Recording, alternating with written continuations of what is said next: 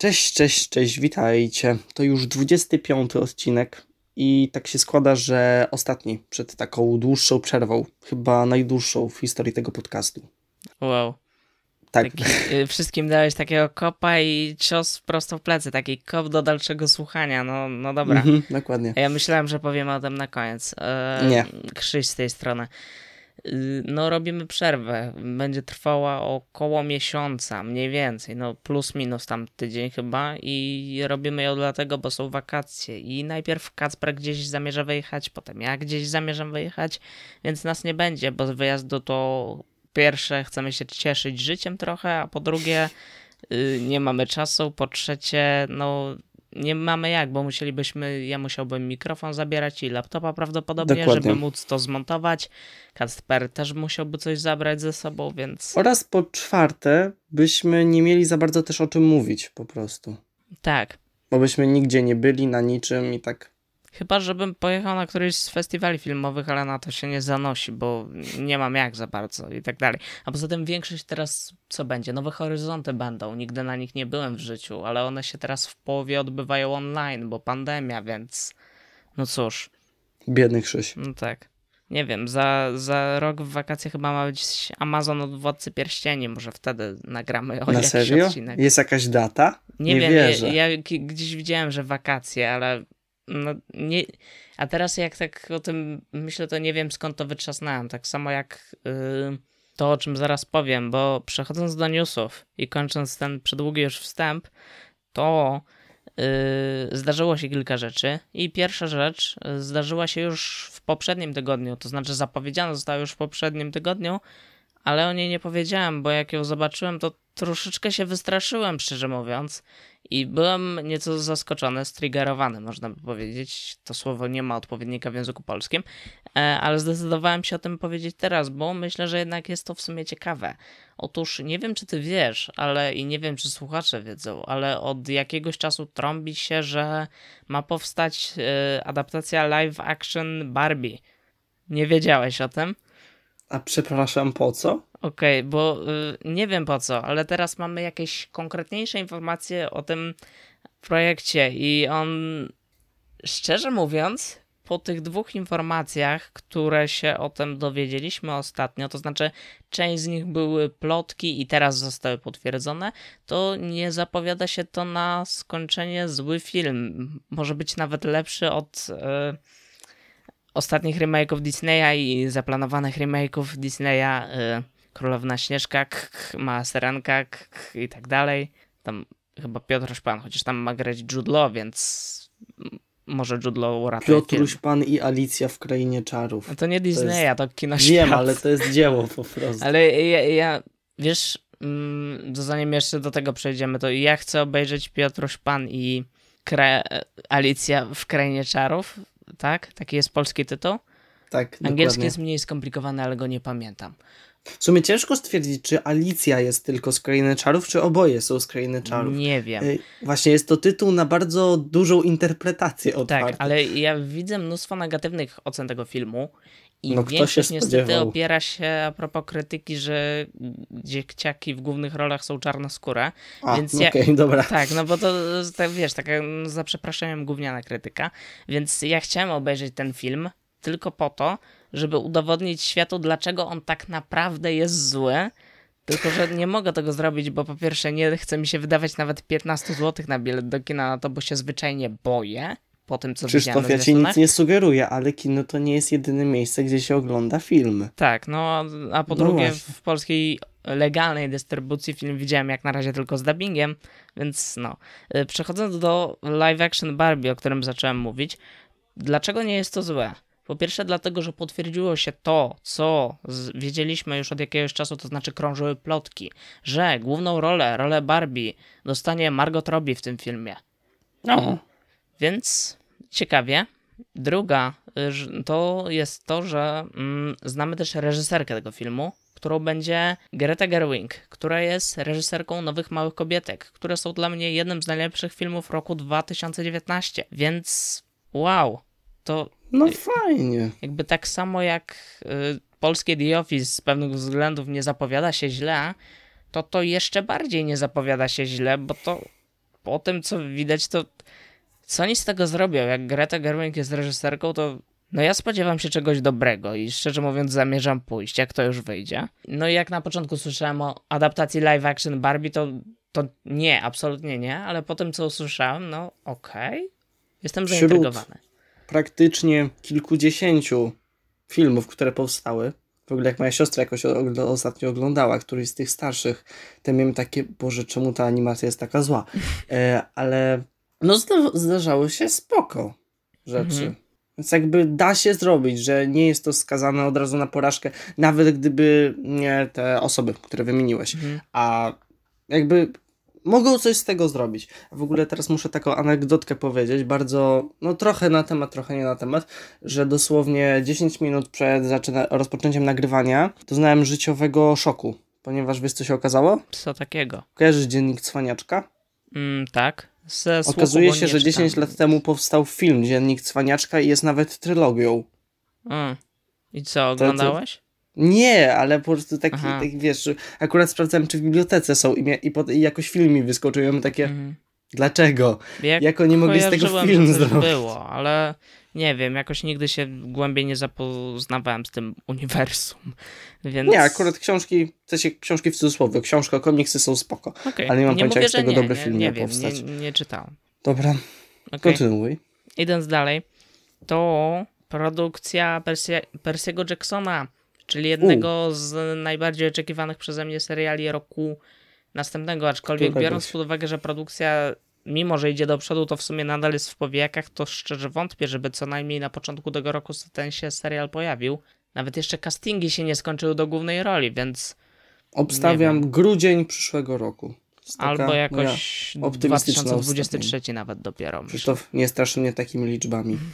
Ja będę każdym... wtedy już stanowczo zbyt stary. W każdym razie, yy, tak. Yy, no więc dowiedzieliśmy się, że zaczęto pracę nad scenariuszem do pierwszego sezonu serialu.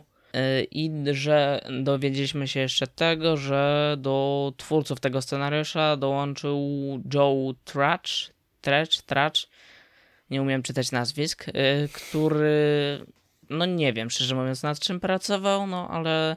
Szczerze, to nie wiem po co, jakby, nie że po co, tylko że za dużo do robienia nie mają. Jakby fabułę mają już całą, tylko przenieść to na formę tak, scenariusza. To są według mnie też książki, które dosyć łatwo na scenariusz przenieść, wiesz. No, Jednak szczególnie jeżeli jest tak, jak my sądzimy, że jest, czyli sezon na książkę. No tak. No, Właśnie to, no to wtedy też już słyszałem, że ma być zapowiadane pięć sezonów. A, no co to w sumie ma mieć sens, biorąc pod uwagę liczbę książek i biorąc pod no. uwagę, że szukają dwunastolatka do obsady. Więc logicznie no. jest, że chcą, żeby rósł równo z sezonami, które będą tam wychodzić co rok, powiedzmy. Minusem jest, że my też się będziemy. No, no już nie rośli, bardziej starzeli. Tak, ale może wiesz, dzięki temu, nie wiem, może jeszcze bardziej nas zajara Percy Jackson czy coś, nie wiem. Yy, czekamy. No, ja czekam, ty czekasz, wszyscy czekają. Zapowiada się to dobrze. No, Rick Riordan bierze czynny i aktywny udział przy produkcji, ma dość dużą władzę. Nie to, co wtedy. Tak, no i, no i dobrze, że wybierają tego dwunastolatka, bo nie chciałbym jakiegoś starego dzieciaka albo dwudziestoparolatka akurat w tym przypadku. Chociaż wiesz, czasami to działa, bo taki Tom Holland ma dwadzieścia parę lat, gra piętnastolatka i w sumie to wygląda. Ja. Chociaż też już urósł ostatnio. Doznaczony teraz urósł. wygląda Och. jak bardzo, bardzo napakowany nastolatek. Ale no, tak, no ale w tym kontekście się to sprawdza jakoś akurat, ale no przy wielu nie, tego no tak, typu produkcjach ma, miałem i mam dużo wątpliwości, kiedy wiem, że dorosła osoba wcieli się, w tym przypadku musiałaby się wcielić w dwunastolatka, to znaczy przekręcili, bo w filmach Percy Jackson miał 16 lat od pierwszej części chyba no nie bardzo wyszło, tak? Nie bardzo. Znaczy, często tak pewnie robią, bo ciężko znaleźć mm, tak młodego aktora, tak. żeby podołał, bo to no i też dużo odpowiedzialność jest. Osoba, która tworzy serial musi mieć e, lub film musi mieć e, talent do poprowadzenia takiego młodego aktora, bo on raczej w większości przypadków sam z marszu nie zagra tak, żeby zrobił to dobrze. Na przykład ostatnio nam się okazało, że Taika Waititi ma duży talent do prowadzenia młodych aktorów, co widzieliśmy w Jojo Rabbit gdzie ten chłopak, co mm, grał główną rolę, no dla mnie był świetny. I właśnie zastanawiam się, czy to jest kwestia poprowadzenia go, czy on faktycznie ma jakiś talent. Ale na przykład y, ostatnio dostaliśmy też Artemisa Fowla, gdzie y, chłopak grający główną rolę był do niczego. I też nie wiem, czy to jest kwestia tego, że on po prostu nie umie grać, czy został jakoś źle poprowadzony i gdybyśmy zobaczyli go w kolejnym filmie, to może by nie było z nim tak źle, czy coś. Nie wypowiem się na temat tego ostatniego, bo nie widziałem. Całe szczęście. Y, idąc dalej, to teraz pakiet czegoś, co um, jest dziwne, dlatego że no, w dniach pomiędzy, jakby to powiedzieć, nagrywaniem ostatniego odcinka, jego publikacją, jest dziura, z której newsy nie mogą się pojawiać w odcinku, bo nie mamy jakich dograć do odcinka i tak dalej. I w tym czasie, y, to znaczy w weekend chyba, poprzedni, pojawił się, mm, było coś takiego jak WitcherCon, czyli pierwszy taki ogólnoświatowy festiwal związany generalnie z uniwersum Wiedźmina. I z najważniejszych rzeczy, które się tam pokazały, to tak. Y, Netflix wypuścił teaser do drugiego sezonu The Witcher Wiedźmina na Netflixie i pokazał jego datę premiery. To jest 17 grudnia tego roku. Dostaniemy drugi sezon Wiedźmina i kolej. No i fajnie. Tak. Nie oglądałem. Ja też nie. Jeden z nielicznych się... Polaków, nie? Nie, bo jakoś się boję mieszać sobie jakoś serial i książkę. Może kiedyś. Nie wiem, ja w ogóle W ogóle skończyłeś? Świeżo po właśnie po skończeniu sagi jeszcze mi został ten sezon Bush, ale to mhm. jest chyba fanfic w ogóle, więc... Nie, nie jest. Warto czytać sezon Bush? Nie warto, ale Sapskowski, więc jakby kanon jest. Okej. Okay. Yy, no, idąc dalej z takimi zapowiedziami, to mm, Netflix y, opublikował też zwiastun pierwszego z tych zapowiedzianych spin-offów do Wiedźmina, które planowali od jakiegoś czasu. I to będzie ten spin-off anime, mm, który ma hm. tytuł The Witcher Nightmare of the Wolf, czyli po polsku Wiedźmin z Mora Wilka. I on, z tego co mi wiadomo, będzie się skupiał na postaci Wesemira, czyli tego jednego z Wiedźminów. Mhm. I będzie miał premierę stosunkowo niedługo, bo 23 sierpnia tego roku. Mhm. A teraz takie pytanie od razu. Mhm. Mm, czy jesteś gotowy? Jak ogólnie właśnie oceniasz sagę o Wiedźminie, jak teraz przeczytałeś? To znaczy, Zachwyciłem się chyba o wiele mniej niż większość ludzi. To znaczy większość ludzi, która uważa się za takich permanentnych fanów Wiedźmina, powiedzmy. Mhm. E, I ogólnie klimat jest według mnie fajny mm, i ciekawie, ale mam duży problem na przykład ze stylem pisania Andrzeja Sapkowskiego. Jakoś nie podchodzi mi bardzo, ale mm, ciekawie zrobiło się przy przedostatnim tomie, który, bo najlepsze są opowiadania według mnie, ale już... O, no i brawo. Tak, no. Mądra Jestem tym opowiadania, sorry no wszystkim, no bo którzy prawda. wolą sagę. To jest po prostu, do tego jest stworzona ta postać, po prostu idzie i niszczy potwory. potwory. I czasami spotyka tak, jaskra tak. i to jest kiedy, piękne. Kiedy zaczyna, kiedy Wiedźmin zaczyna bardziej myśleć, to robi się miejscami z tego taka poważna degrengolada. Nie cały czas, ale no, nie do końca to wychodzi jak dla mnie i ale już z samej sagi to chyba najbardziej podobał mi się przedostatni tom, gdzie już tak poważnie zaczął żonglować liniami czasowymi. To w sumie było ciekawe i trochę się w tym pogubiłem w tym momencie, ale y, ciekawy zabieg i mnie się podobał. I też był moment, w którym wkurzała mnie postać Siri, ale potem on minął i potem już było wszystko dobrze. No i y, ciekawy jest, bar- i najfajniejsze jest w ogóle to, że w ostatnim tomie sagi pod koniec się okazuje, że wszystko, co było nawet w pierwszym tomie opowiadań, w niektórych z opowiadań, wszystkie wątki jakoś się domykają i wszystko stanowi jedną zamkniętą całość, która jest spójna i... Choć same zakończenie jest dramatyczne. To znaczy tam, tam jest więcej zakończeń niż w Powrocie Króla. One się ciągną przez chyba 140 stron, te zakończenia w ogóle. Tam są, znaczy, wiesz... Chodzi mi o to już końcowe, gdzie, uwaga, spoilery, no raczej każdy już czytał, jeżeli tego no, uznajmy. Tak, e, spoiler Może, do zakończenia Wiedźmina od tego momentu. Przemięcie tak. tam o, nie wiem, 30 sekund czy coś. Yy, ta niby ich śmierć, to było tak Aha. na siłę, jakby ja nie ogarnąłem za bardzo, co tam się w końcu stało. Ale w ogóle jeszcze ten odlot Siri do tego, tej niby Anglii czy czegoś. No, Tak. Rycerzy Króla Artura czy coś. No nie za bardzo, ale w ogóle też wiesz, że tam jest ym, koniec spoilerów jak coś, ale zakończenie tych wszystkich kampanii, tych krasnoludów, tych pojedynczych postaci, które tam się przewijały przez całą serię i tak dalej. Wszyscy tam dostają swoje zakończenia po kolei. Yy, nawet jakiś kot, którego kolejny spoiler zżarły pchły. No i tak, no. To znaczy zaraziły pchły jakimiś chorobskami, no ale. Yy, no. No a tak, jest, jest ten wątek, Mhm. tak.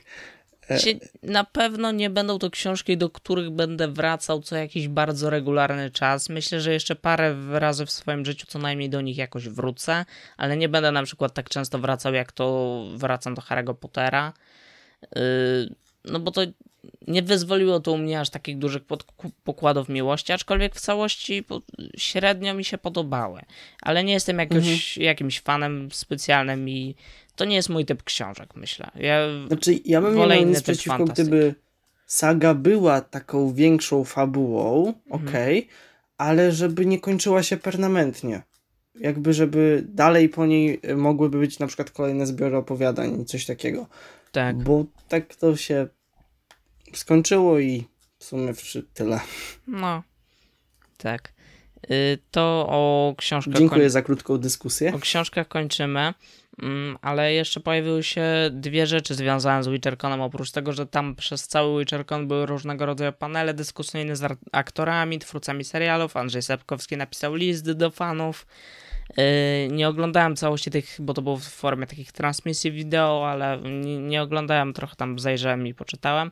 Ale jeszcze ujawniono nam dwie takie ważniejsze rzeczy. Pierwsza jest taka, że pojawi się nowy komiks z Wiedźmina, Wiedźmin Ronin, który będzie dziwny, bo będzie się rozgrywał w świecie inspirowanym antyczną Japonią, gdzie y, tutaj mm, zdanie z fabuły Geralt podąża tropem mitycz, mitycznej kobiety śniegu zwanej jako Yukinona. Znaczy, ja bym nie miał nic przeciwko, tylko że tutaj na siłę jest ten Geralt. Jakby co on w Japonii robi. No tak. No, też tego nie rozumiem. I też w sumie dziwi wybranie anime jak na Wiedźmina, chociaż to może być ciekawe. Ogólnie wszędzie teraz wybiera, wybierają. No, trochę tak. Na przykład jeszcze Visions. Mhm. No, No właśnie. Ale tu y, anime mówię, bo niektórzy zaraz się przyczepią, że to nie jest prawdziwe anime czy coś. No mówię anime, bo bo, nie tak, jest. bo tak mówi Netflix, ale no tak. I ostatnia rzecz związana z Wiedźminem to jest jeszcze rzecz od y, ukochanego przez wszystkich CD Projektu, który um, wznowi jakby trzecią część gry, to znaczy wrzuci ją na większą liczbę, będzie dostępna na większą liczbę konsol i platform, mianowicie y, też nowe konsole PlayStation, Xboxa i chyba tam jeszcze Google Stadia między innymi. Więc tak, yy, o Wiedźminie to tyle. Chyba chcą się odkuć strony. po cyberpunku. Mam wrażenie. Hmm. Nie W wiem. takiej klapie dosyć. Mhm. No trochę tak, aczkolwiek no było mnóstwo głosów, że to jest w sumie spoko gra, tylko tam parę rzeczy stylistycznie nie poszło i gdyby dali im więcej czasu, to byłoby naprawdę fajnie. No bo nie chodzi wiem, o to, że z jednej strony mieliśmy studio, które ciągle przekładało, a z drugiej fanów, którzy niepotrzebnie to przyspieszali. Taka właśnie anegdotka była pewna gra Iron Marines yy, z Iron Hide'a i pierwotnie miała być w 2015 takie obietnice, nie udało się, była w 2017, ale skończyło się na tym, że była to według mnie druga najlepsza gra z tego studia, więc czasami lepiej poczekać, Mhm. po prostu. Dobrze. Idąc dalej, yy, to mamy tutaj segment z dalszymi losami rodziny królewskiej, o której jest ostatnio dosyć głośno za sprawą jednego wywiadu, tego, że powstaje o niej satyryczny serial e, animowany na HBO Max o bardzo specyficznym poczuciu humoru, jak zdążyliśmy się dowiedzieć. Yy, I teraz wracamy do losów Harry'ego i Meghan, którzy mieli już jakieś swoje przygody z popkulturą, mianowicie realizowali własne podcasty. Yy, Teraz się Nasz okazało... jest lepszy. Dokładnie, nasz jest w 100% lepszy. Definitywnie. Definitywnie, absolutnie. Yy, W każdym razie mm, Meghan tym razem na szczęście nie chce zwojować kolejnej, bo tutaj głównie z tego co widzę yy, pisane jest o Meghan Merkel, więc chyba Harry albo w ogóle nie będzie miał w tym swojego udziału, albo będzie miał jakiś mniejszy udział. W każdym razie Meghan Merkel próbuje w tym momencie zwojować gałęź, której gałąź, której my jeszcze jako twórcy internetowi nie przejęliśmy. Mianowicie podpisała um, kontrakt z Netflixem, na, na bazie którego ma stworzyć ona y, 12 animowanych. Y, wow, wow, wow, nie 12, przepraszam. Stworzy animowany serial o 12-letniej dziewczynce, która jest inspirowana przez różne wpływowe kobiety z historii świata. Okej. Okay Mam dużo pytań, mianowicie na przykład jaka będzie technika animacji, co dokładnie znaczy to, że będzie to posta- e, o czym dokładnie będzie serial, oprócz tego, że jego główna bohaterka będzie inspirowana cechami różnych kobiet wpływowych z historii świata. Y, no i jak to ogólnie wypadnie i czy to będzie antologia, czy to będzie jakaś spójna powieść i na razie nie uzyskaliśmy żadnej odpowiedzi na te pytania. Może wkrótce jakieś się mm, ukażą. To co mogę powiedzieć? Realizuje się Meghan Markle i tyle w sumie. No, jak z jakością tego będzie, to ja nie wiem na tą chwilę i tyle. Właśnie ciekawe, jakiej to pójdzie.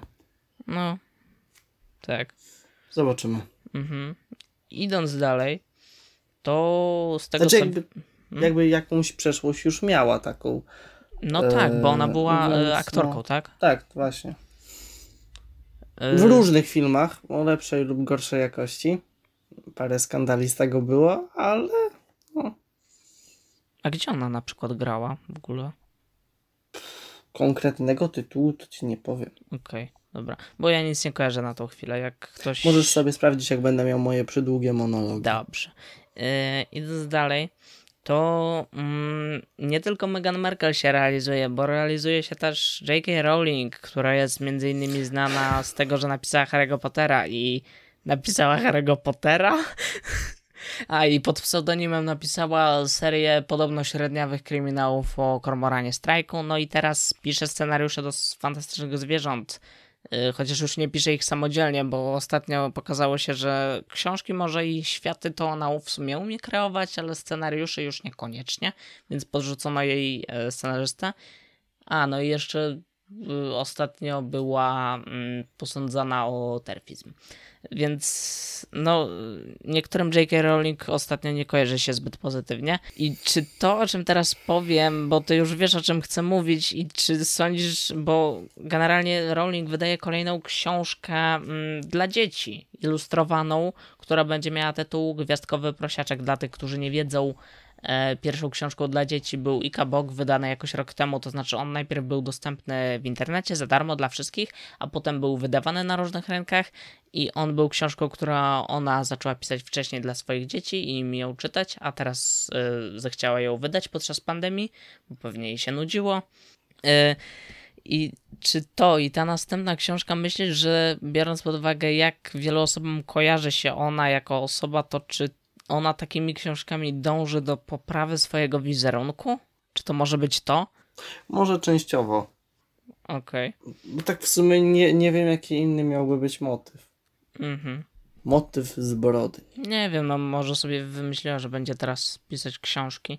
Yy... No nie możemy hejtować, choć nie prezentuje się jakoś to wspaniale. Nie wiem, no i Kabok no, podobno książka był spoko, dla dzieci. ale nadal nie przeczytałem, więc no książka dla dzieci, tak, więc już chyba czytam jeszcze młodzieżówki i Janka Dalce czasami mi się zdarza, ale dla dzieci już chyba sobie w większości odpuściłem, może kiedyś wrócę do Kubusia Puchatka.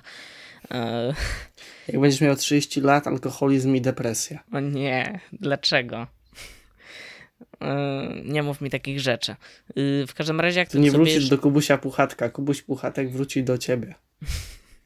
tak, Krzysiu, gdzie jesteś?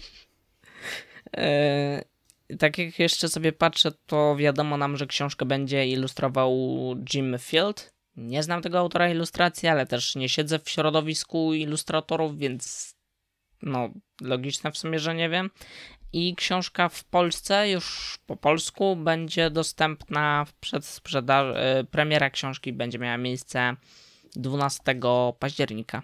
No i będzie ona wydana przez Media Rodzina, tak jak wszystkie no książki. Ja powiem tyle, że mi się nie podoba to o tyle, że mogłaby procesy twórcze przeznaczać na rzeczy takie jak tworzenie nowych książek z uniwersum, na przykład co się działo, jak był Hogwarts zakładany, Yy, albo czasy Merlina.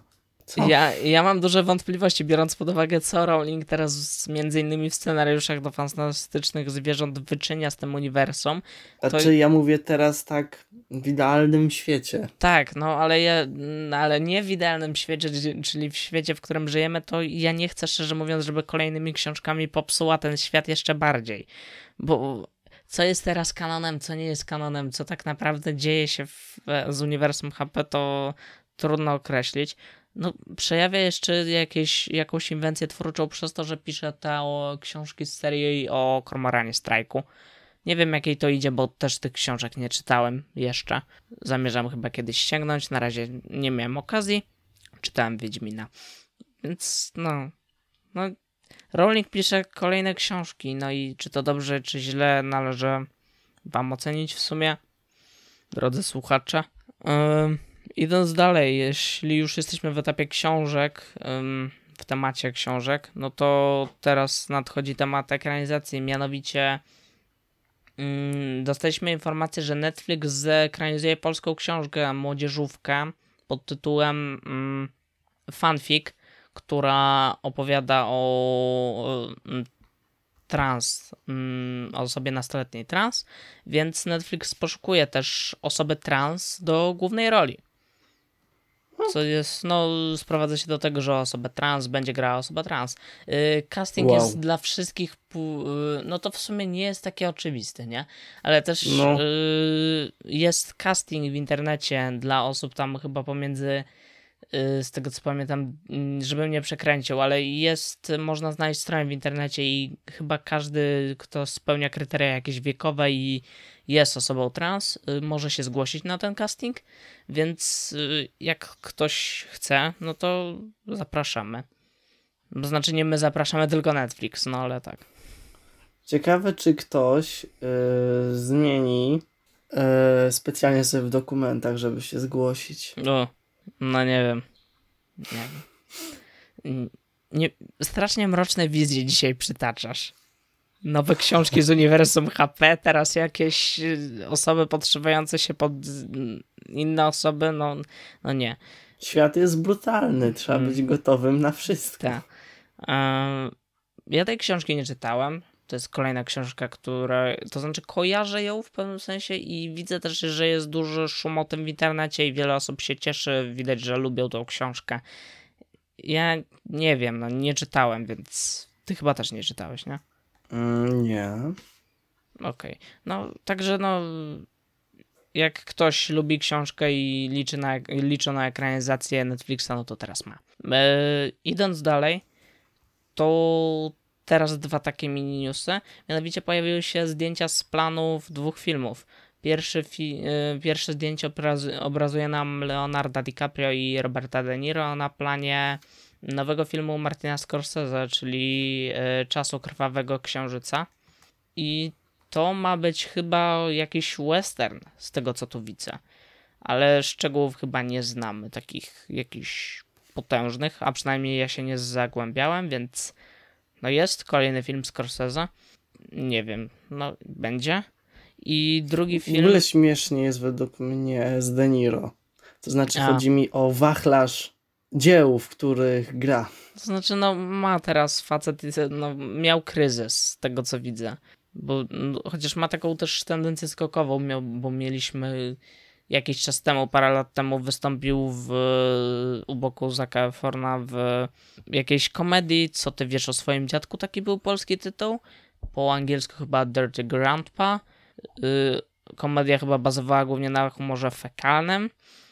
A potem Y, Potem nie wiem, gdzie grał, ale grał potem w Irlandczyku, czyli takim no, filmie jakościowym.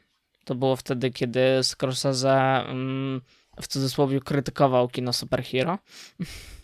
I teraz y, ostatnio widzieliśmy zwiastun jakiejś dziwnej komedii, y, która jest reklamowana jako komedia rodzinna, ale ja szczerze nie widzę w tym komedii rodzinnej, ale tam też będzie grał. A teraz znowu jakiś film Scorsese, więc no zobaczymy. I jeszcze pojawiły się drugiego, zdjęcie z dru- planu drugiego filmu, o którym też chyba nie za bardzo cokolwiek wiemy. Z tego co słyszałem, ma chyba opowiadać o czymś, o przejściu z kina, y, o tym momencie historii, kiedy przechodziliśmy z kina niemego na kino z dźwiękiem, ale szczegóły nieznane. To będzie film Damiana Chazela, czyli faceta, który odpowiadał m.in. za La La Land, First Mana, y, Whiplash ostatnimi czasy. Film będzie miał tytuł Babylon i na zdjęciu widzimy Margot Robbie. I tak, to takie mini informacje. Yy, no można mm, powiedzieć jeszcze taką informację, że teraz yy, trwa festiwal w Cannes i jest między innymi tam pierwsze pokazy są filmu, nowego filmu Wesa Andersona, French Dispatch, na który czekam szczerze mówiąc. W Polsce będzie chyba 22 października. I taka ostatnia ciekawostka w sumie jest taka, że jakiś czas temu pojawiła się dokładnie mm, dwa dni temu y, pojawiła się na profilu facebookowym Cinema City taka informacja, że organizuje ona event w IMAXie, na którym przez pół godziny będzie pokazywać jakiś specjalny zwiastun i nowe materiały z planu nowej Duny. Yy, I będzie ten pokaz jakby odbędzie się 21 lipca o godzinie 18 i jest on całkowicie darmowy, ale mm, liczba miejsc jest ograniczona i jest tylko w niektórych miastach. Z tego co patrzyłem ostatnio w Warszawie już miejsc nie ma, więc ja się nie załapałem. Yy, nie wiem jak w innych Smuteczek. miastach, bo nie patrzyłem. Może w innych miastach jeszcze dorwiecie bilety, kiedy tego słuchacie, ale chyba raczej nie. Więc. Chociaż Ja niby mam tutaj- słuchacie. Słabe i smutne wizje. Mhm. Się no, nie wiem czy warto, no bo mimo wszystko nie wiem co mają pokazywać z Dune przez pół godziny, ale jak za darmo, no to wiadomo, że niektórzy się chętnie prosili, bo czemu nie? Yy, I z mojej strony newsowej, to szczerze mówiąc w tej chwili chyba byłoby na tyle. To wszystko Dobra, to ode mnie. kończ, bo już zacząłeś przynudzać pod koniec. Dobrze. To Dziękuję. teraz ty przejmujesz, a potem Tak, mówię o zmiana książce? planów. Okej, dobra. E, zacznę od szybkiej informacji, że został opublikowany zwiastun do mm, trzeciego sezonu Młodych Tytanów, tej wersji aktorskiej. I wygląda całkiem spoko, może w sumie kiedyś nawet nadrobię całość. W sumie tyle. Mm, dobra, przechodząc dalej. Mamy sobie kącik Lego, w którym mamy dwie duże premiery. Mm, pierwszą premierą e, jest taki kempingowy mikrobus Volkswagena T2. Mieliśmy już T1, a teraz mamy T2. Tak, więc jest progres. E, nie no, pewnie się tamten dobrze sprzedawał i dlatego poszli w taką decyzję. Ogólnie ciekawe, że bardzo dużo właśnie e, takich e, samochodów, ale z tych większych, e, że z tej serii 18 Plus mamy ostatnio. I ogólnie co do samego zestawu, e, polska cena to 729,99 elementów mamy 2207 i całość się prezentuje naprawdę przyjemnie, mi się bardziej podoba niż T1 yy, bardzo fajny turkuskowy kolor nadwozia. Ogólnie wygląda wszystko tak wakacyjnie, plażowo, mamy deskę do surfingu na przykład no tak fajnie, przyjemnie nawet, no korci trochę, ale no jeszcze się zastanowię, bo to takie w sumie dosyć przyjemne. Może jak kiedyś będę miał nadmiar gotówki, to się zdecyduję. Bo wiesz, takie klasyczne, takie wiesz, takie kamperowe busiki Mhm. retro. No. A, te y, ogórki tak zwane chyba one się Mhm, nazywały. no. To, to ja widzę to w głowie, tak? W To jest ogóle, takie słodkie, tu ma lodóweczkę, w środku stoliczek, to jest takie... Tak, ale w ogóle mm, taka ciekawostka, że parę lat temu chyba widziałem, że Volkswagen jakby wypuścił mm, unowocześnioną wersję tego retro samochodu. To znaczy jakby odnowioną nadal design, designem przypomina tą starą wersję, ale ma no jakby nowsze elementy i też chyba albo było Mhm. to samochód hybrydowy, albo elektryczny, ale nie pamiętam. Tak, coś takiego było. I jeszcze do samego zestawu, mm, to ciekawe jest to, że są takie naklejki, które jakby nie jest do końca powiedziane, gdzie mają być przyklejone, tylko można sobie trochę poekspery- poeksperymentować z nimi. To już się pojawiało w paru poprzednich zestawach. i przechodzą do drugiej wielkiej premiery. Dla większości osób pewnie nawet większej, dla mnie raczej nie. To serii e, Star Wars e, spod serii UCS, czyli Ultimate Collector Series. E, została zaprezentowana kanonierka Republiki. I zaczynają znowu od e, takich rzeczy technicznych. To cena to 1549,99 za 3292 elementy. I to mi się już dużo mniej podoba. Znaczy, ja rozumiem, kształt został ładnie odżerowany, ale ja mam dwa ale.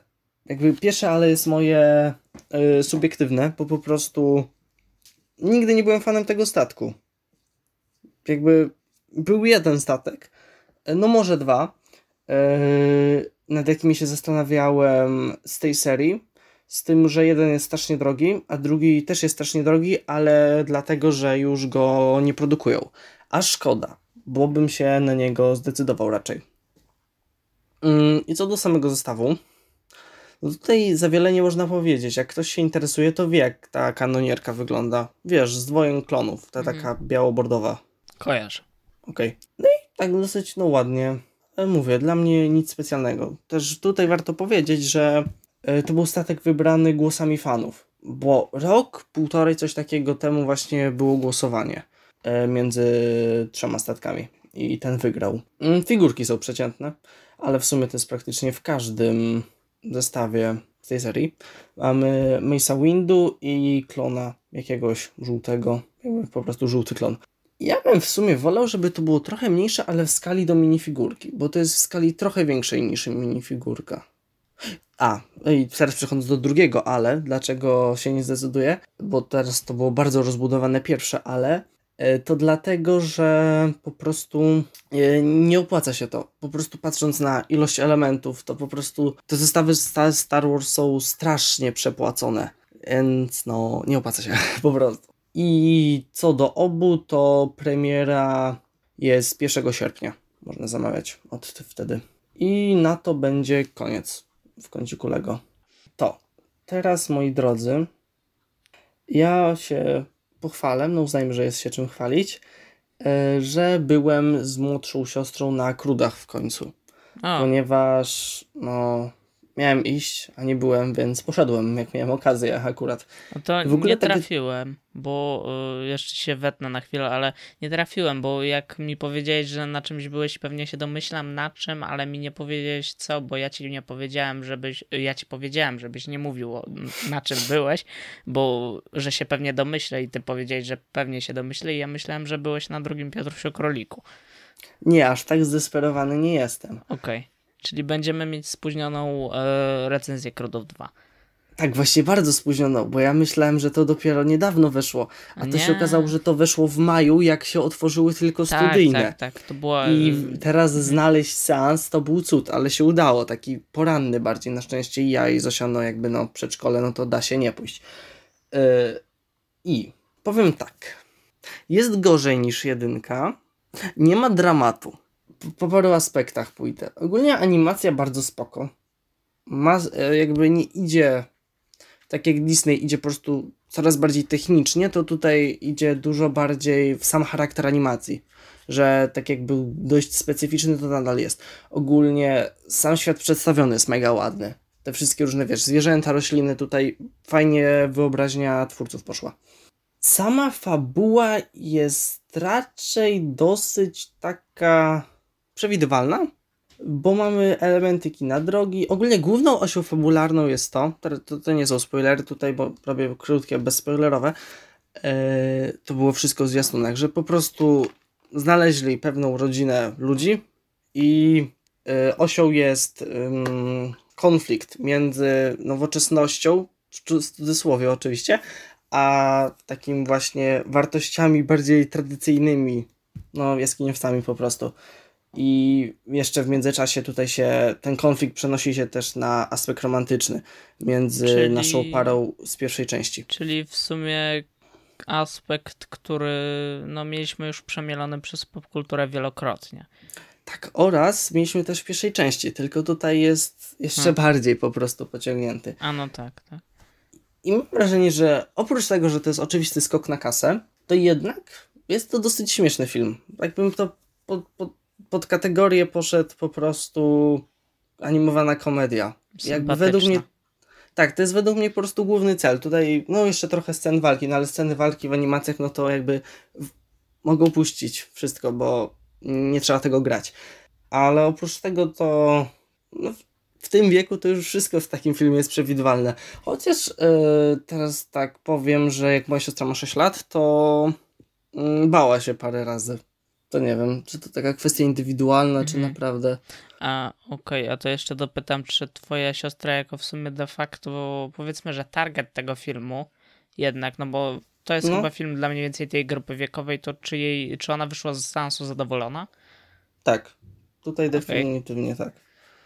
Akurat jedynkę niedawno oglądała yy, z jakąś koleżanką, więc tutaj była na bieżąco. Mhm. Minusem jest na pewno to, że jakby zaczynamy od takiego momentu, w którym w teorii już właśnie jest to po prostu film niepotrzebny.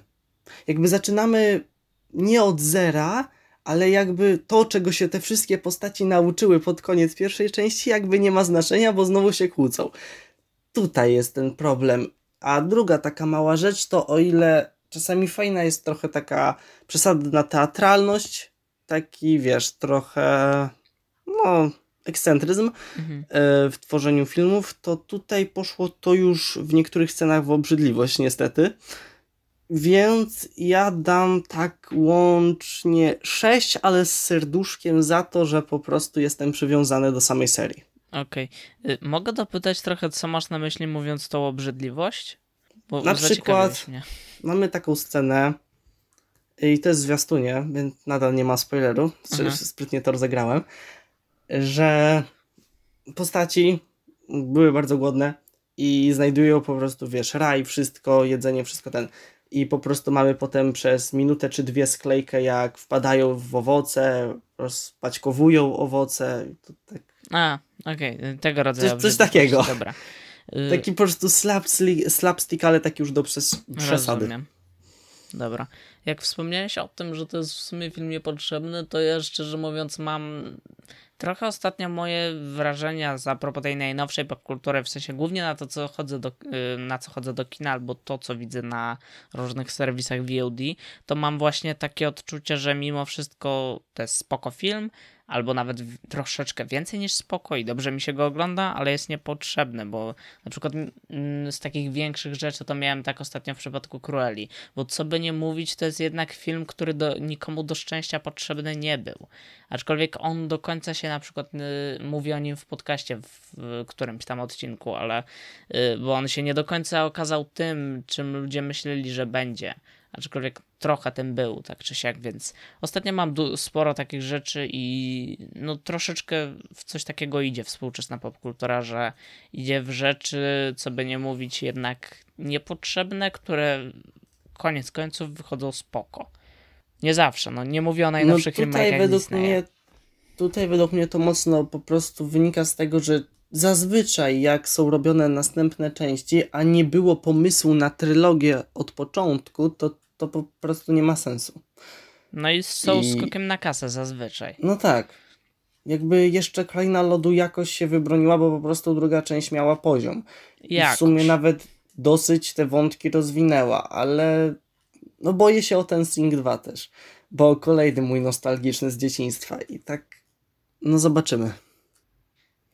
Dobra, to moi drodzy, na tym ja skończę tą dosyć chaotyczną recenzję, bo nie wiem za bardzo co po prostu powiedzieć, bo tu nie mam za, ani się rozwodzić nad muzyką, ani nad niczym, bo to jest animacja. Mhm. I po prostu, no dobra, muzyka jest akurat spoko. Yy, to mogę przyznać. Czyli to jest po prostu normalna mm, animacja dla dzieci z, znikomymi ambicjami, która ma na zasadę trafiać do, z zasady trafiać do dzieci i nikogo za bardzo więcej. Raczej tak. Powiedziałbym, no oczywiście wyższy poziom niż Kino Świat, ale mhm. no jak na DreamWorks to się dało lepiej. Czy po prostu. Y, najważniejsze pytanie, czy rodzice, którzy będą zmuszeni pójść z dzieckiem na seans, nie umrą podczas seansu? Nie no, nie aż tak to nie. Okay. Jakby ja przeżyłem Dobra. Mm, rodzice, którzy z tego słuchają, zastanawiają się, czy jeszcze pójść z dzieckiem na seans yy, nie umrzecie. No i tyle. Yy, to co? Teraz przechodzimy do mnie znowu, bo wow, wyszedł nam trochę taki odcinek, jaki planowaliśmy na początku podcastu, a potem zdecydowaliśmy, że jednak ta formuła nigdy się nie uda, więc chyba pierwszy bo... raz od początku ona się udała, że każdy z nas ma coś.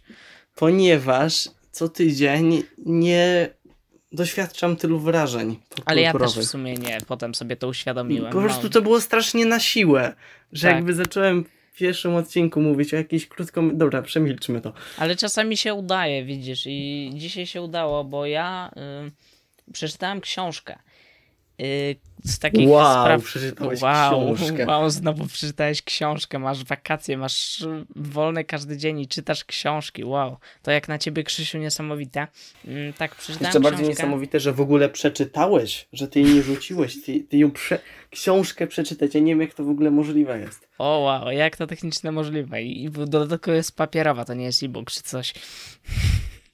E, w każdym razie książka była, e, bo to jest książka amerykańska, ona w Stanach ukazała się jakoś w roku zeszłym, a u nas w, na polskim rynku a, ukazała się nakładem wydawnictwa SQN z inną nakładą yy, na początku tego roku. Czyli jest to książka stosunkowo nowa.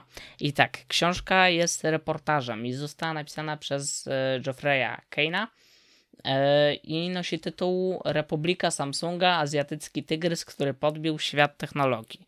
I teraz um, Kacprowi pokazuje okładkę przez kamerę, oby nie była zbytnio spikselowana. Wy jej nie widzicie, możecie sobie wyszukać w internecie. Jej też nie widzę, masz tą świadomość. Nie widzę teraz? jej, bo ona się tłem staje. Green screen. To nie zobaczysz, dobra. E, w sumie nie ma na co patrzeć, okładka jest prawie w całości biała, nie postarali się. To znaczy dla mnie jest ładna, taka minimalistyczna. Mm, przechodząc do samej książki, to tak jak mówiłem, jest to reportaż, w którym a, autor skupia się jakby na kilku rzeczach. Po pierwsze, przedstawia nam pokrótce przez lata historię Samsunga, o tym jak on, e, ta firma działała, e, jak powstawała i jej, mm, jak doszło do tego, że mm, jest ona dzisiaj taka, a nie inna i gra to tam wszystko tak, jak, mm, tak a nie inaczej. Y, druga rzecz jest taka, że autor, mm, dlatego że jest Amerykaninem, no to skupia się też trochę na tym, co się działo w tej firmie w kontekście tego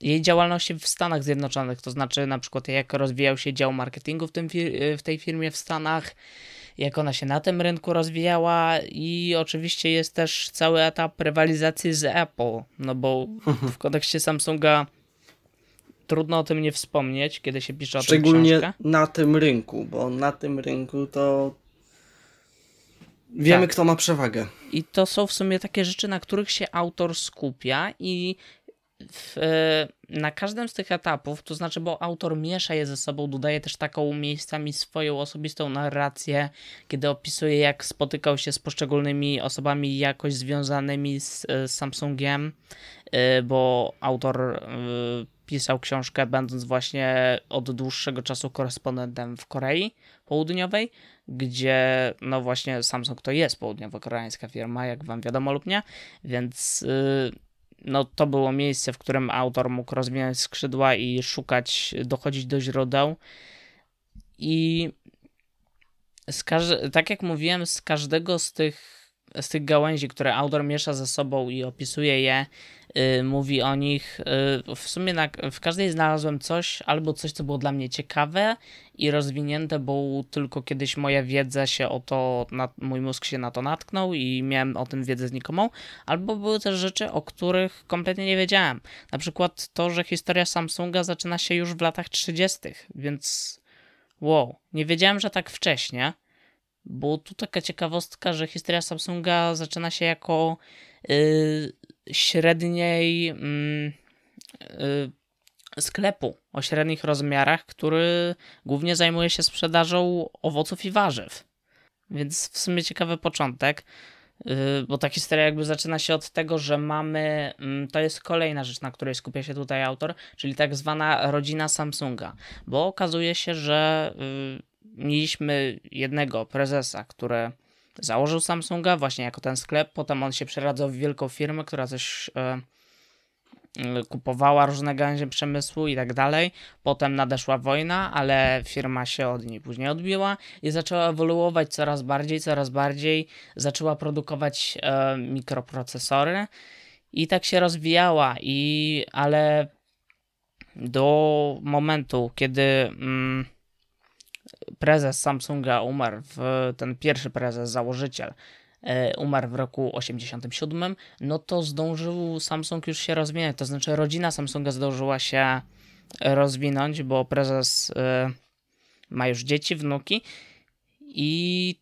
to jest rodzina, która przez lata, jak się okazuje z tej książki, co jest dosyć dla mnie w pewnym momencie stało się to przerażające, kiedy zacząłem się o tym dowiadywać, bo okazuje się, że rodzina, która wywodzi się od tego głównego założyciela Samsunga, yy, stała się w Korei w pewnym momencie rodziną bardzo wpływową i był taki moment w historii do niedawna, bo teraz trochę to opadło przez najnowsze wydarzenia, bo przez to, że książka jest nowa, została napisana niedawno, to dochodzimy do tych najnowszych wydarzeń, to... Yy, okazuje się, że do niedawna rodzina Samsung, y, ta rodzina Samsunga, tak ją będę cały czas nazywał, y, i jej członkowie jakby poszczególni kontrolowali większość firm, y, tych większych firm związanych bezpośrednio z większością e, gałęzi gospodarki i przemysłu w Korei Południowej.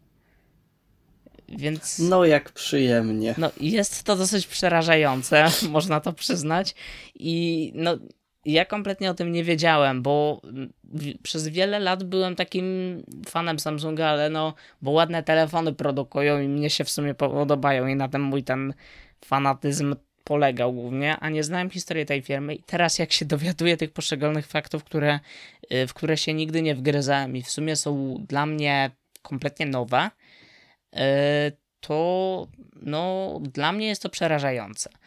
I okazuje się też z tej książki wynika no, to, że Samsung przez wiele lat i teraz y, jest mm, to związane ze sprawą sądową, którą borykał się do niedawna właśnie prezes Samsunga obecny, yy, który jest też jakimś tam, nie, nie pamiętam, czy to, to był chyba wnuk właśnie tego prezesa, tego założyciela. I on borykał też się ze sprawami sądowymi przez to, że no, Samsung miał y, też dużo konotacji z rządem, dużo powiązań z rządem. I właśnie to, to że y, ten opisywany tutaj y, dla autora i dla nas w sumie też kompletnie inna kultura pracy panująca w Korei Południowej, kompletnie inna niż zarówno w Europie, jak i w Stanach Zjednoczonych, sprawia, że działalność pracowników, ich kontakt z pracodawcą w tej firmie, która się tak rozrosła przez te lata, jest zupełnie inny, polega na, czym, na czymś zupełnie innym.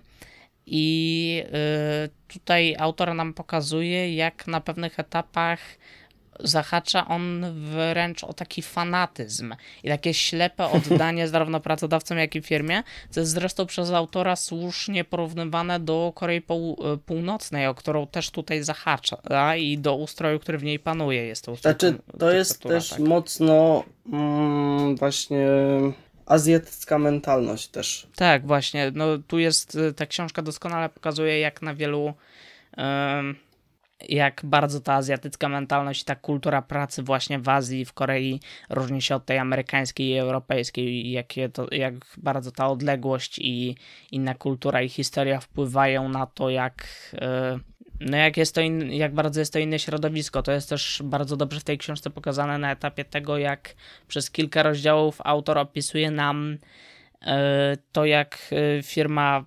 została mm, już na tym etapie, kiedy produkowała telefony komórkowe, smartfony i na etapie tej rywalizacji z Applem autor opisuje bardzo ciekawy sposób przez wiele rozdziałów, jak wykształcał się dział reklamy w Stanach jak y, in, mm, produkował on reklamy, które przez to, że zatrudniono tam Amerykanów, to bardzo różniły się od tego, jak wyglądał ten dział marketingu i ogólnie jak wyglądały reklamy firmy w Korei Południowej, przez co pomiędzy zarządem w Korei Południowej a tym działem marketingu amerykańskiego dochodziło do wielu konfliktów. To jest w bardzo ciekawy sposób pokazane. I mamy też ten aspekt rywalizacji z Applem, który też jest tu ciekawie pokazany. Yy, mamy na przykład to, że rywalizacja Apple i Samsunga zaczęła się tak naprawdę w sumie od sojuszu. To znaczy, sojusz polegał na tym, że Samsung, jak się okazuje, dla mnie też to było w pewnym stopniu, bo dla niektórych pewnie nie, ale dla mnie było to w pewnym stopniu nowe, że Samsung się przyczynił do stworzenia pierwszego iPhone'a de facto. Dlatego, że był e, producentem układów scalonych, które mm, Steve Jobs w tamtejszych czasach zakupił od Samsunga. Samsung wtedy nie wiedział, że to pójdzie na pierwszego iPhone'a właśnie. Yy, ale no tak. I poszło na pierwszego iPhone'a właśnie. Yy, I potem pokazane jest nam w tej książce i opowiedziane to, jak yy, ten sojusz wymuszony dosyć prze, mm, przeradza się w taką jakby mm, rywalizację już na tle zarówno tym reklamowo-marketingowym, jak i tym, mm, nie wiem jak to określić, ale y, chodzi mi o to, że to, że Samsung później 3 lata po premierze pierwszego iPhone'a wypuścił pierwszego Samsunga Galaxy S, y, stało się tą jakby kością niezgody, która poróżniła Apple i Samsunga, doszło do tego, że Samsung przez wiele lat y, toczył z Applem później te bardzo kosztowne procesy sądowe, y, bo Apple oczywiście pozywało Samsunga o kradzież patentów, później Samsung też pozywał Apple o kradzież patentów, no i taka wzajemna wo y, wojna.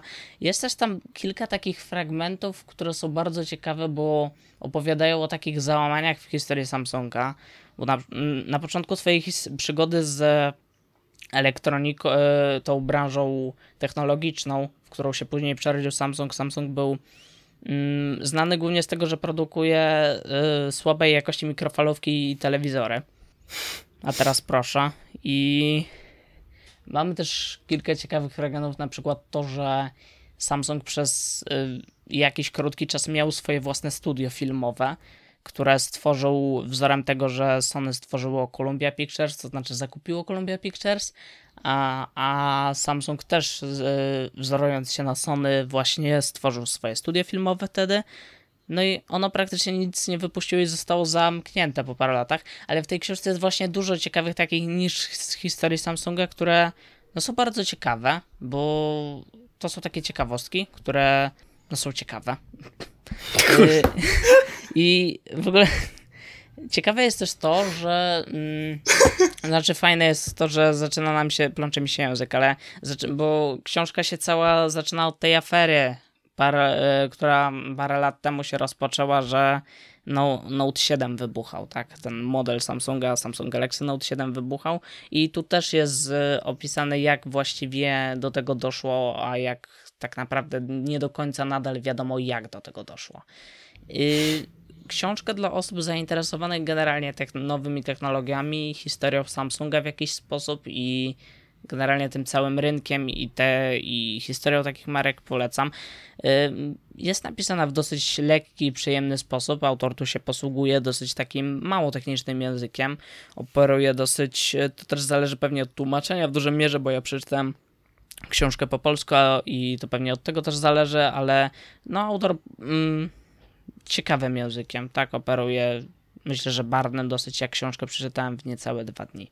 Także mm, tym osobom polecam, osobom, które nie są zainteresowane tematem oczywiście o wiele mniej, bo raczej yy, jakąś tam minimalną wiedzę w tym temacie trzeba mieć, żeby wyciągnąć wszystko z tej książki, aczkolwiek ta wiedza musi być naprawdę minimalna w tym temacie, bo nawet osoby z tą minimalną wiedzą z książki dowiedzą się wielu nowych rzeczy. Także takim osobom polecam książkę i to by było na tyle z mojej strony. Brawo. Dziękuję. Dobrze. To ja przechodzę do kolejnego segmentu. Jeżeli nadal tu jesteście, to w ogóle jakiś cud, bo wątpię, że ktokolwiek tu jest, więc haha, cześć, nie jesteście tutaj. więc przechodzę do recenzji gry Legends of Kingdom Rush. I o niej już mówiłem ostatnio w różnych kontekstach. I jeżeli wiecie, jeżeli nie wiecie, e, jest to gra ze studia Ironhide e, typu RPG i jest ona ekskluzywna. Mam nadzieję, że tylko na razie, a nie ogólnie e, na platformę streamingową Apple Arcade. I będę mówił po prostu w segmentach o tym, co mi się podobało, czy nie. Więc zaczynając od samej rozgrywki, jest bardzo przyjemna. Mm, mamy jakby, są dwie rzeczy. Główną częścią, jakby, jesteśmy po prostu bohaterami, którzy podróżują przez krainę. E, są trzy przygody plus samouczek do wyboru. Będzie więcej w przyszłości. I po prostu każda przygoda jest tu coś innego niż w poprzednich grach, no jakby wynika to z innego gatunku, bo e, wcześniej to zawsze gry z Kingdom Rush to były Tower Defense i tutaj po prostu podróżujemy, eksplorujemy, zdobywamy różne przedmioty, artefakty. Czasami zdarzą się jakieś ciekawsze zadania, na przykład jakaś zagadka do rozwiązania, ale większość wydarzeń losowych po prostu opiera się na tym, że E, losujemy taką wirtualną kostką, wybieramy co chcemy zrobić, na przykład który bohater w cudzysłowie ma los, tą e, kostką losować, czyli próbować wykonać coś i w zależności od wyniku albo dostajemy jakieś bonusy, albo tracimy, na przykład tracimy życie, i, ale głównym jakby trzonem y, są same walki, bo po prostu w czasie przygody są różne walki porozsiewane z wrogami, i na końcu jest walka z bossem, na końcu każdego, nazwijmy to, świata. Mm, I sam system jest bardzo. Dobra, tutaj i przejrzysty, i nieprzejrzysty. Bo podstawowe zasady są bardzo łatwe. Po prostu jest to gra turowa, czyli po prostu mamy nasze tury, podczas których rusz, yy, kierujemy naszymi postaciami i tura no, sił zła, nie wiem jak to nazwać za bardzo, gdzie po prostu nasi przeciwnicy Mm, no, mają swoją turę. Wiem, będę cię próbował pobijać w powtórzeniach. Mm, I co do samego systemu mam dwa zarzuty praktycznie. E, pierwszym jest, że bardzo dużo mamy kliknięć. To znaczy, często strasznie trzeba potwierdzać wszystko. Na przykład, jak chce się yy, wykonać jakiś ruch, to trzeba kliknąć na miejsce, gdzie się chce iść, potem kliknąć jeszcze raz, że chce się tam być i potem kliknąć, że się zatwierdza i potwierdzić zatwierdzenie. Po prostu już to po pewnym czasie denerwuje, choć po jeszcze dłuższym czasie, jak już się w to naprawdę długo gra, robi się to wręcz machinalnie, od razu dwa kliknięcia. Więc to taki mini szczegół. E, większy problem mam z tym, że w samej walce, oprócz zwykłego zadawania damage'u, jest yy, mnóstwo efektów specjalnych. Na przykład zamrażanie, trucizna, podpalenie i często niektóre efekty się łączą specjalnie tak, że dają lepsze połączenia. I problem mam taki, że nigdzie praktycznie w grze nie jest wyjaśnione, jak coś wygląda. I przez długi czas nie masz pojęcia o tym, że na przykład jeżeli zamrozisz kogoś, to jeżeli go zaatakujesz, to on nie otrzyma obrażeń, tylko zniszczysz ten lód na nim. I no to jest problem. Przydałaby się jakaś po prostu encyklopedia, yy, jakiś taki spis wszystkiego, yy, żeby pokazać i wyjaśnić, jak coś działa i wygląda. Bo tutaj jest problem i ogólnie w ostatnich grach Ironhide ma taką tendencję, że nie daje encyklopedii. I tutaj w sumie też by się przydała encyklopedia z wrogami też że jakby częściowo z tym systemem rozgrywki i częściowo też z wrogami, choć nie jest to tutaj aż tak potrzebne jak e, w poprzednich grach, ponieważ e, tutaj mamy ogólnie dużo mniej jednostek i możemy podejrzeć ich stan w każdym momencie. I nie ma w ogóle żadnego limitu czasu, bo po prostu można, ma, ma, nie mamy, możemy naszą turę przetrzymywać przez dowolny okres. E, możemy zastanowić się, przemyśleć, zobaczyć kto ile coś zadaje, ile ma życia i tak dalej. Więc nie jest to aż taki problem jak na przykład e, w Kingdom Rush Vengeance ostatnio. Bo tam po prostu wszystko działo się w czasie rzeczywistym i przygotowanie swojej strategii na podstawie tego, co może nas czekać, jest lepsze, bo tutaj i tak na całą przygodę trzeba e, wybierać e, jedną drużynę. I przechodząc właśnie do naszych bohaterów, to zawsze odblokowujemy ich na różne sposoby, albo wykonując jakąś misję, jakieś osiągnięcie i Nasza drużyna zawsze na początku składa się z jednej legendy, czyli takiego głównego bohatera i dwóch e, pomo, e, pobocznych. I potem często w czasie gry dochodzi do nas czwarta jednostka.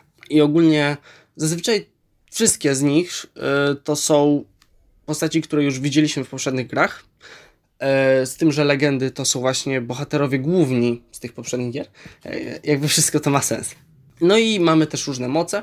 Mamy. Mm, dobra, już nie będę w sumie chyba szedł w to głębiej. Jeżeli zagracie, to wszystko zobaczycie. Już podstawy znacie. Po prostu mamy różne umiejętności bohaterów, które wykorzystujemy i wybieramy je na podstawie e, levelu naszego bohatera, bo jakby mamy e, dwa, e, dwa sposoby levelowania, bo jeden sposób levelowania to jest w grze, gdzie po prostu ulepszamy bohatera i to się resetuje na początku każdej przygody, a drugi jest poza przygodami i tam po prostu zwiększamy jakby ilość mocy do wybierania.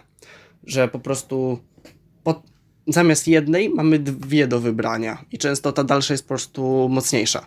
I kiedy już w przygodzie osiągniemy ten poziom, możemy. No, mamy dwie do wyboru, e, a w przypadku Legend 3. E, Więc tutaj wszystko na plus, szczególnie, że mam wrażenie, że była to potrzebna zmiana, bo Ironhide idzie tutaj mocno e, w kwestie fabularne i praktycznie jesteśmy w światach, w których już byliśmy. I nie mogła być to kolejna gra Tower Defense, ponieważ po prostu byłoby to strasznie powtarzalne z tym, co otrzymaliśmy wcześniej. A dzięki temu, że jest to totalnie inny gatunek i taka próba, y, to jest to ciekawsze. Choć fajnie sobie odkrywać, że coś się zgadza z poprzednimi częściami, na przykład y, nazwy wrogów. Jest to takie dosyć nostalgiczne.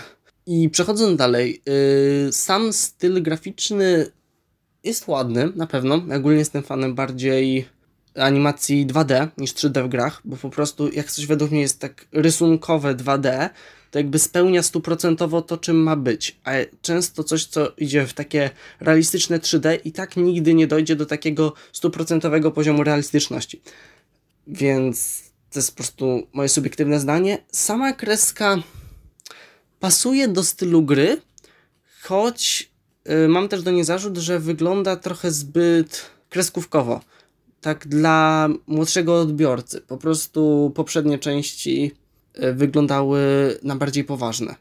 I ogólnie wynika to też z samej fabuły, bo na przykład często przed walką mamy jakiś dialog krótki.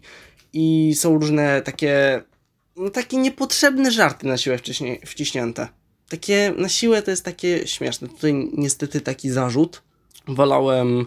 Jakby w poprzednich też oczywiście były jakieś easter eggi, czy czasami śmieszny komentarz e, w opisie poziomu, ale nie było tego aż tak dużo. A tutaj to już czasami wkurza. I więc tutaj tak. Przechodząc dalej, muzyka. Mm, jest na pewno dobra. Tutaj nawet mocno ponadprzeciętna, jednak też w porównaniu do poprzednich gier nie jest to ten poziom. Po prostu tam mamy taką epickość. Po prostu tutaj się czujesz jakbyś grał w grę, a tam się czujesz jakbyś po prostu był na koncercie, naprawdę. Yy, jak nie graliście w jakąkolwiek, to bardzo polecam zagrać, bo no naprawdę, jak na grę, to tam muzyka jest po prostu wybitna. Więc tutaj znowu mamy to samo, że w teorii powinno być lepiej, bo studio powinno się rozwijać, a nie jest do końca lepiej. I chyba mam wrażenie, że z takich rzeczy technicznych to jest koniec, więc teraz chcę tylko powiedzieć na koniec o samym zachowaniu studio, czyli o tej ekskluzywności. I według mnie to była bardzo słaba decyzja, bo ja akurat dzięki iPhone'owi kuzynki jestem w stanie zagrać na darmowym próbnym miesiącu, ale bardzo dużo graczy i fanów nie ma tej możliwości i to jest przykre. Jedyny plus y, tego jest taki, że jako, że jest to gra na Apple Arcade, to nie ma płatności w grze, czyli co często było w poprzednich. Czyli po prostu jak teraz w nią gram, to już wykorzystuję wszystko na maksa. Mhm. E, a ja tak abstrahując, tylko ty wykupywałeś Tak. Apple Arcade, czy wykupywałeś całe Apple Now? One. Mówię, że miałem darmowy miesiąc. A tak, ale na Arcade Tylko czy Apple na... Arcade. Okej, dobra. Tak pytam. A propos tej polityki wykluczenia, no to to samo można obecnie powiedzieć w przypadku Disneya, który no, dyskryminuje nas i wiele innych krajów Europy Wschodniej a także Azji, nie dając dostęp, legalnego dostępu do swoich produkcji, między innymi jednej, o której będziemy gadać za chwilę, która ma być tematem głównym naszego odcinka w teorii. E, no i tak, no szkoda naprawdę. Bo... No i tutaj w sumie mamy to samo, w sensie nie w tej konkretnej grze, tylko z tym studiem bo w bardzo krótkim odstępie czasu y, już o tym mówiłem, właśnie jest y, trailer do ich nowej gry Junk World. No widzisz, I no. tutaj właśnie mamy wykluczenie krajów, tak. czyli na razie będzie ona dostępna w Google Play, w sensie kiedyś będzie na pewno na iOSie, tutaj możliwe, ale czy na Androidzie, ale wątpliwe. I na razie jest tylko tam w pięciu krajach będzie. No. Więc w ogóle jakby. Czyli to są inne rynki w sumie, ale no sytuacja jest bardzo, bardzo podobna i zbliżona. Mhm. No, nie podoba mi się to. Jakby powiedziałbym tak, Ironhide ma genialnych artystów, jeśli chodzi o właśnie kreskę, bo po prostu no, to jest piękne. Można się na to ten, bardzo dobrych właśnie od wszystkich dźwięków, dialogów, muzyki, to wszystko jest akurat. Yy, sami deweloperzy, programiści też wszystko ale właśnie, nie wiem, ci, co zarządzają finansami, ja nie, oni nie ogarniają. Ja nie wiem czemu, co ich do tych decyzji skłoniło. To boli po prostu. Szczególnie po tych wszystkich grach, które kiedyś jak byli mniejszym studiem, to byli powiedzmy mniej chciwi na yy, pieniądze. No cóż, ja ostatecznie grze dam 8 na 10 ze złamanym serduszkiem, bo tutaj jest złamane serduszko, a nie szczęśliwe serduszko niestety. Bardzo mi przykro. A szkoda, bo naprawdę dobrze mi się w to gra. A nie będę w stanie zagrać w przyszłe levele, które mają być dodawane. Bo jest już oficjalnie, że będą dodawane, a no wtedy mi się już skończy. Więc pozostają gameplaye na YouTubie albo gdzieś indziej.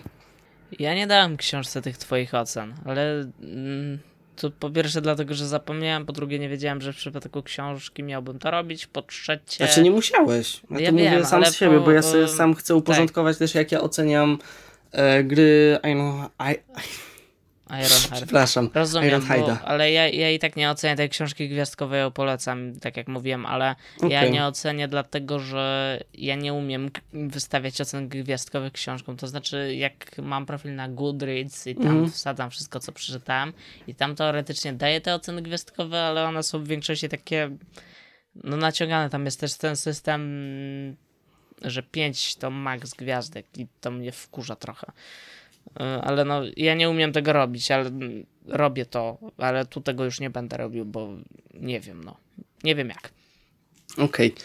No ja tak podsumowując, jeżeli akurat wykupujecie Apple Arcade, to naprawdę warto, bo jako sama gra to to jest bardzo dobra gra i naprawdę za bar nie odbiega jakoś w poziomie od reszty, choć mam wrażenie, że jest to projekt, w który weszło mniej serca. Jest to takie po prostu, to tak czuć. Nie, nie wszystko jest tak dopieszczone tak do końca, tak, tak perfekcyjnie, że najlepszym y, grom z tego studia to nawet jestem w stanie 9,5 dać, bo to są po prostu wybitne dzieła, wspaniałe. Tak, i zostawię Was z tym przemyśleniem. Rozumiem. To już zanim przejdziemy do głównego tematu odcinka, hehe, e, to jeszcze jedna rzecz, o której ja zapomniałem w międzyczasie. Mieliśmy o niej gadać trochę wcześniej i tak krótko raczej, bo myślę, że też nie ma się do końca w sumie nad czym rozwodzić, ale e, tydzień temu w kontekście tego, że pojawił się trailer do nowej animacji Disneya, czyli Encanto, mówiliśmy o tym, jak bardzo ostatnimi czasy nie podobają nam się tłumaczenia tytułów animacji w Polsce i ogólnie tytułów filmów i seriali w Polsce. I nie wiem, czy ktoś pamięta, ale ja dosłownie na chwilę wspomniałem tam o, że jestem ciekawy tłumaczenia jedn, tytułu jednej z zapowiedzia, jednego z zapowiedzianych filmów Pixara. Yy, no i yy, chodziło mi wtedy o animację Turning Red. I, no i pojawił się w ostatnim tygodniu teaser do tego filmu i pojawił się też polski tytuł. Yy, I polski tytuł filmu Turning Red yy, to to nie wypanda.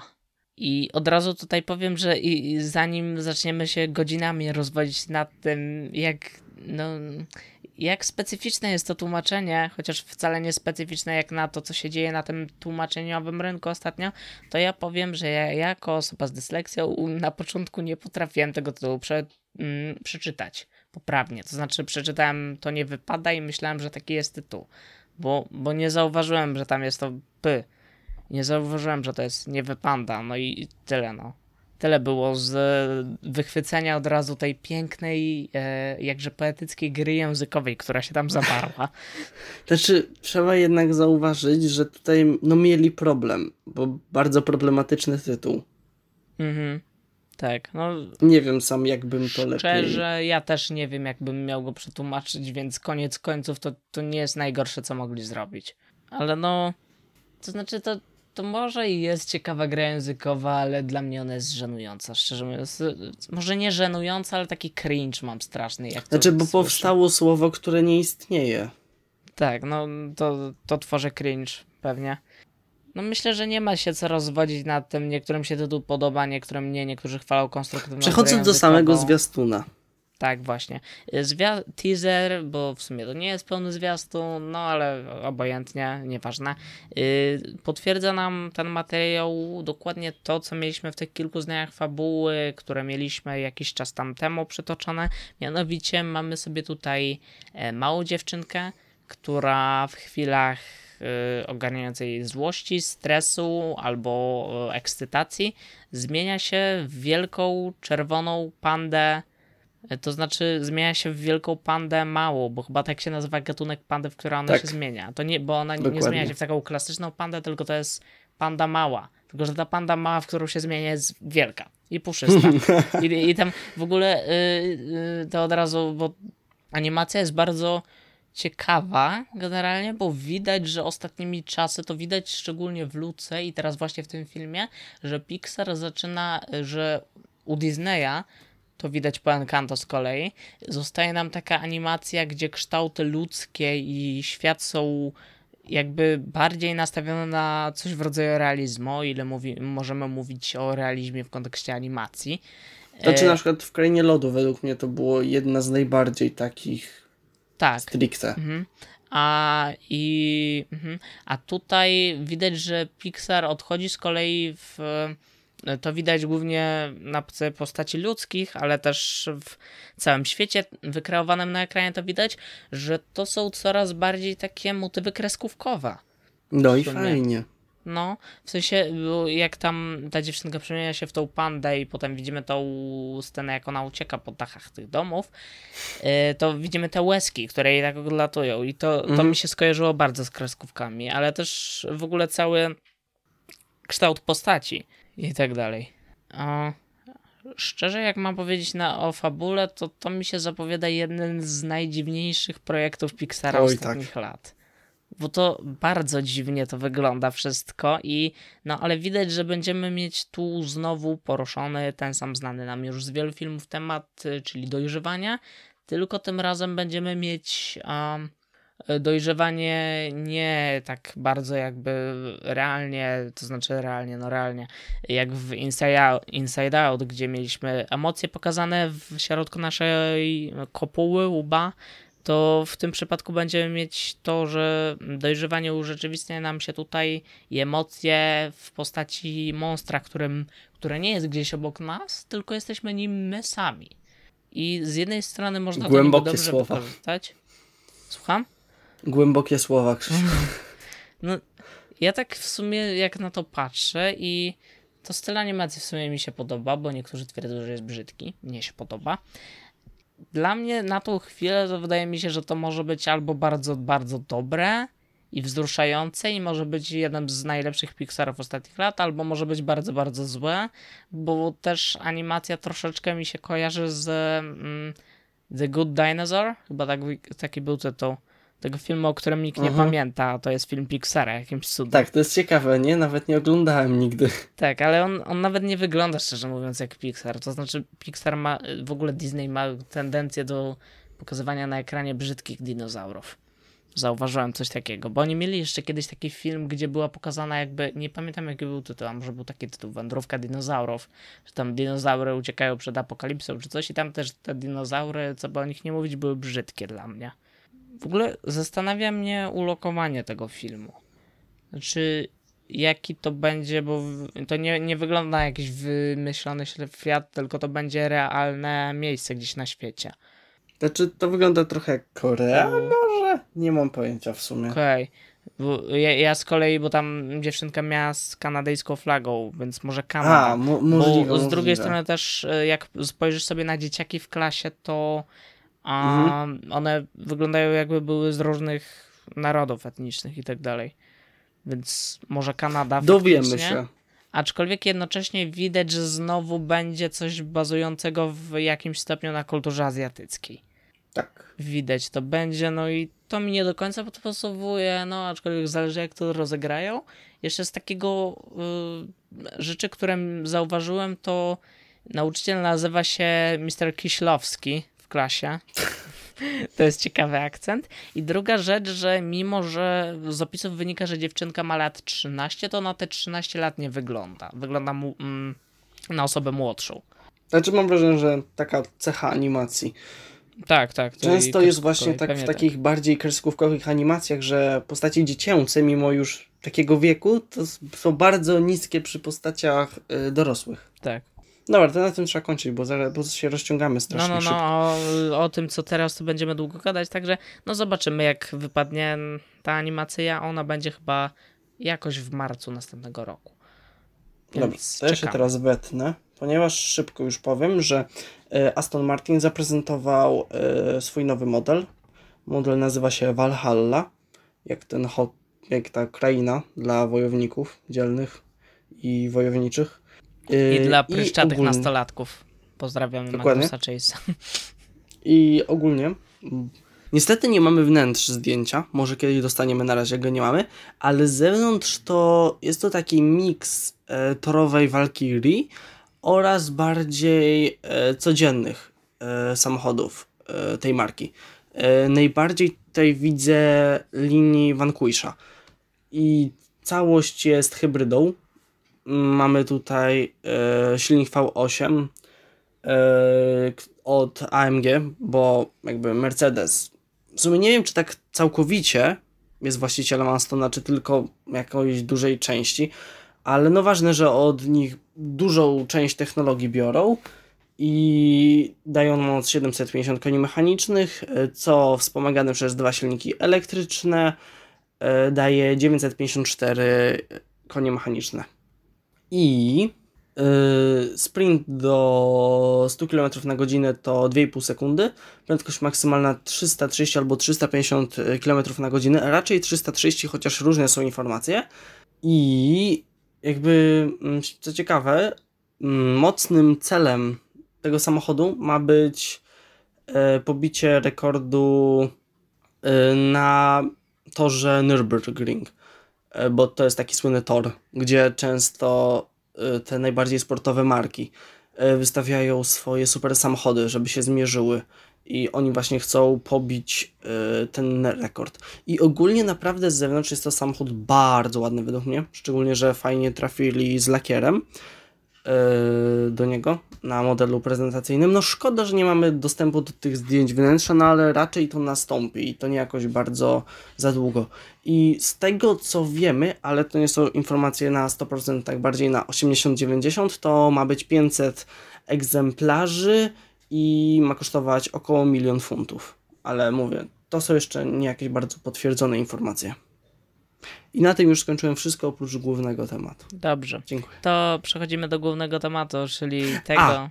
Teraz oczywiście sobie przypomniałem o rzeczy, o której powinienem powiedzieć bardzo, bardzo, bardzo wcześniej, e, że co do krudów, to mocnym punktem są dialogi. Okej, możemy przechodzić dalej. Same relacje między postaciami.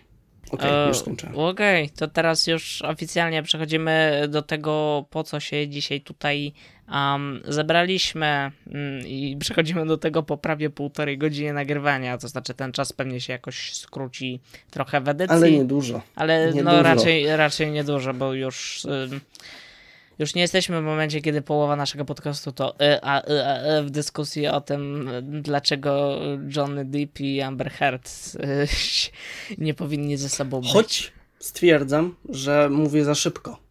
Niestety, bardzo Was przepraszam za O, to wow. i przez to czasami tracę oddech i nie wiem co powiedzieć. Biedny Kacper. Y, To czy bardziej Wy, że musicie tego słuchać. przepraszamy was. Y, Przechodzimy do dyskusji spoilerowej na temat e, Lokiego. I teraz kwestie techniczne oczywiście. Mm, zanim przejdziemy do omówienia kolejnej produkcji Marvela, wow, cóż za różnorodność w ostatnich tygodniach Oczywiście, was że tak. spotyka. A, Jak nie, tak. Ale pozostałe części odcinka powiedzmy, że były bardziej różnorodne w ostatnich tygodniach. Oj, były bardzo. No, Coś ja- widzisz? Tak, ten- i może dobrze, że tym razem odcinek wyjdzie, wychodzi na to, że pół, ponad dwugodzinny, więc y, może Nie to i dobrze, biorąc pod, mm, biorąc pod uwagę, że nas nie będzie przez następny miesiąc, więc y, Nie, no tak, takie wiel, wielki finał. tak, tak, koniec sezonu by był, gdyby podcast był sezonowy, ale nie jest, więc A może być, bo w sumie w sumie będzie w pewnym sensie. Yy, No tak. Yy, Także tak, kwestie techniczne dla osób, które nie czytają opisów. Eee, Serial omawiamy spoilerowo i w naszym omówieniu prawdopodobnie z konieczności, jeżeli będzie taka potrzeba, yy, znajdą się także spoilery do wszystkich dotychczasowych produkcji MCU, w tym najnowszych seriali z MCU, czyli WandaVision and, i The Falcon and the Winter Soldier, no a także do Lokiego, którego właśnie będziemy omawiać. Więc jeżeli y, macie jakieś braki w tych produkcjach, no to polecamy się raczej z nimi zapoznać, chyba że nie boicie się spoilerów, no to wtedy wystarczy wam znajomość Lokiego. Aczkolwiek, no, warto by było wszystko i no, Wypadałoby. tak. Ym, no dobrze, y, tak. I biorąc pod uwagę, i teraz już przechodzimy do omówienia, więc żegnamy wszystkich, którzy byli z nami dotychczas i jeszcze nie widzieli serialu Papa. E, do zobaczenia za miesiąc. Albo dłużej. E, przechodząc do omówienia. Y, Dłużej, Loki. no. Loki. To jest Tak, taki serial, Loki do to rodzaj którego włosów. chyba obaj zgadzamy się, że obaj mieliśmy mm, wyjątkowo duże oczekiwania, wyższe niż do wszystkich innych zapowiedzianych w tej pierwszej puli seriali MCU. Yy, i To prawda. tak. Mieliśmy bardzo duże oczekiwania, zaraz zweryfikuję się, czy zostały one spełnione. Yy, ale jak w. Czy. Tak w pierwszych słowach, czy jesteś usatysfakcjonowany, że serial ci się podobał? Taki wstęp, Tak. Tak. to tyle. Nie, że no pytasz się, no to odpowiadam. Tak, Okej. jestem usatysfakcjonowany, choć czuję pustkę, że się skończył. Ja z kolei czuję po pierwsze pustkę, że się skończył, a po drugie czuję pewnego rodzaju niedosyt. Jednak. To znaczy I z możliwe... czego on wynika? Do tego zaraz dojdę, ale możliwe, że przez. Myślę, że jest to wszystko wyzwolone przez to, że do serialu miałem oczekiwania naprawdę ogromne i może dlatego właśnie nie zostały one do końca zaspokojone. Znaczy mam wrażenie, że każdy miał je częściowo takie mocno myślę, że tak. wygórowane. Ja też myślę, że biorąc pod uwagę, już możemy o tym bezpiecznie mówić, bo scena po napisach w Lokim ujawnia nam to, że będzie drugi sezon. Jej. E, więc. Widzisz, miałem rację. Tak, więc szczerze mówiąc, po obejrzeniu tego pierwszego sezonu, ja troszeczkę, biorąc pod uwagę, jak on się skończył, jak przebiegał i tak dalej, to w sumie do całej historii ja go troszeczkę traktuję jako taki prolog, jako taki wstęp, powiedzmy, i myślę, No, że dopiero w drugim sezonie dla mnie zacznie się prawdziwa zabawa. Z W tym ogóle wszystkim. e, spotkałem mm, się z taką ciekawą opinią.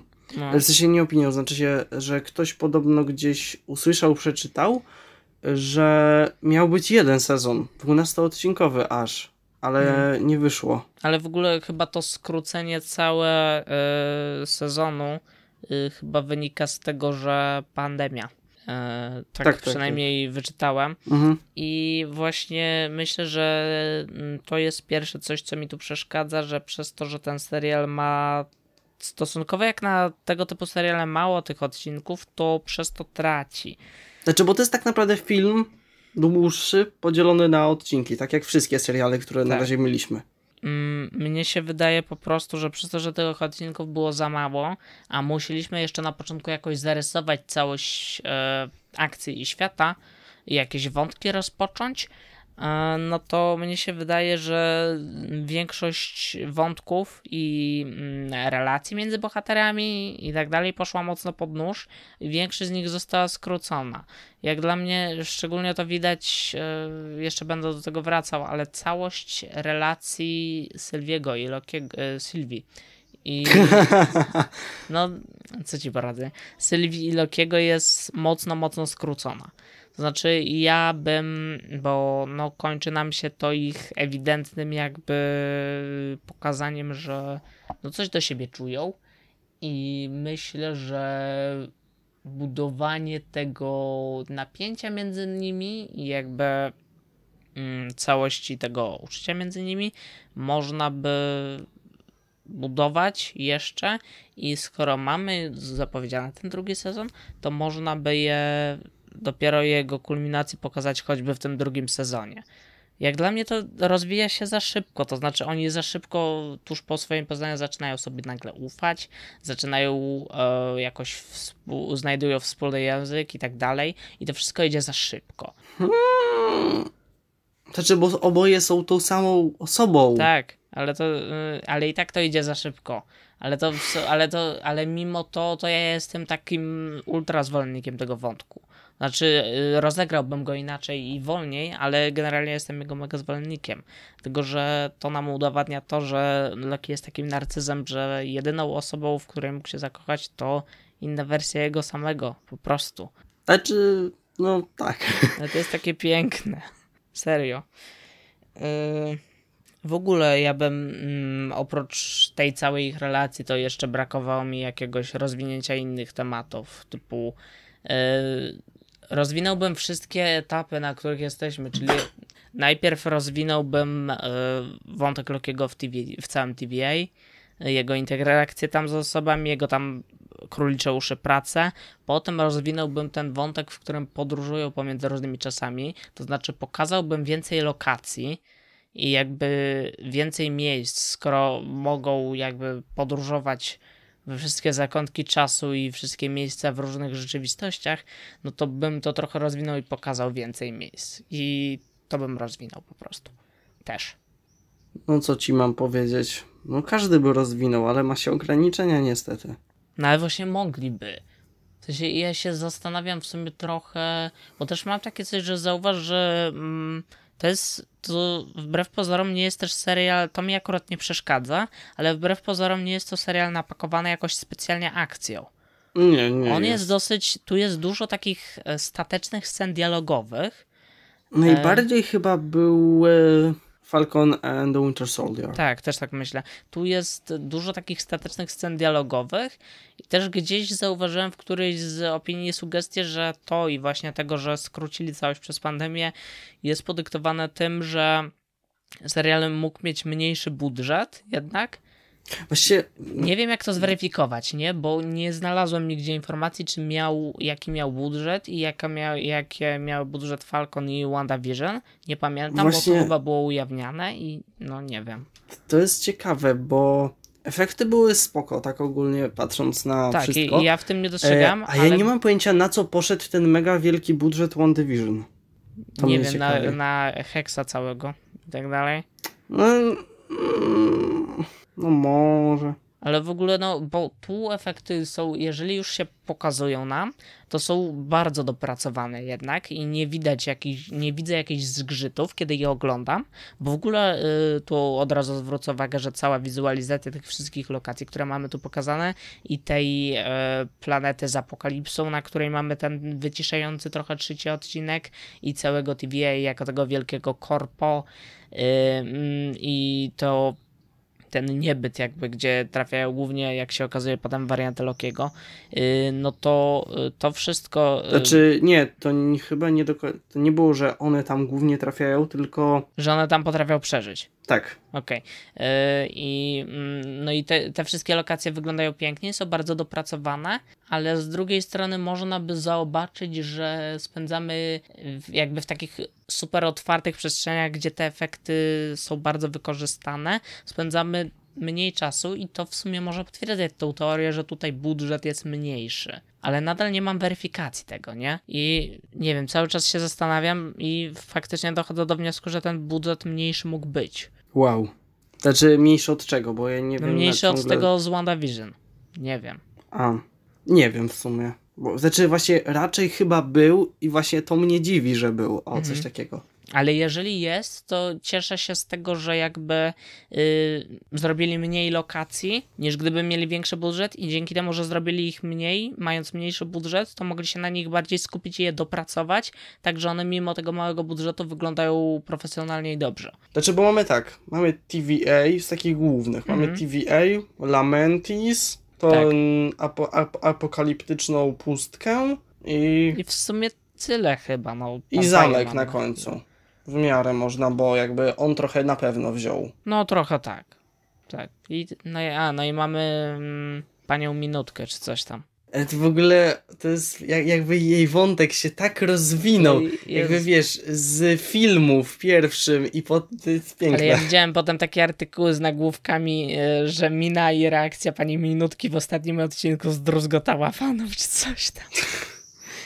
Nie wiem, mnie ona nie wzięła. Mnie na końcu w TVA może tak, ale na końcu jak się pojawia w tym pałacu, to mi się kłóci z całą jego taką bardziej mroczną stylistyką i to, to mi się gryzie. Znaczy, w TVA sam- nie, ale na końcu. Znaczy, jakby sam ten, który pozostanie, He Who Remains, yy, on też jakby nie pasuje do tego pałacu w pewnym sensie. Trochę tak. Ciekawi do- mnie, czemu do taką stylistykę wrócimy. wybrał.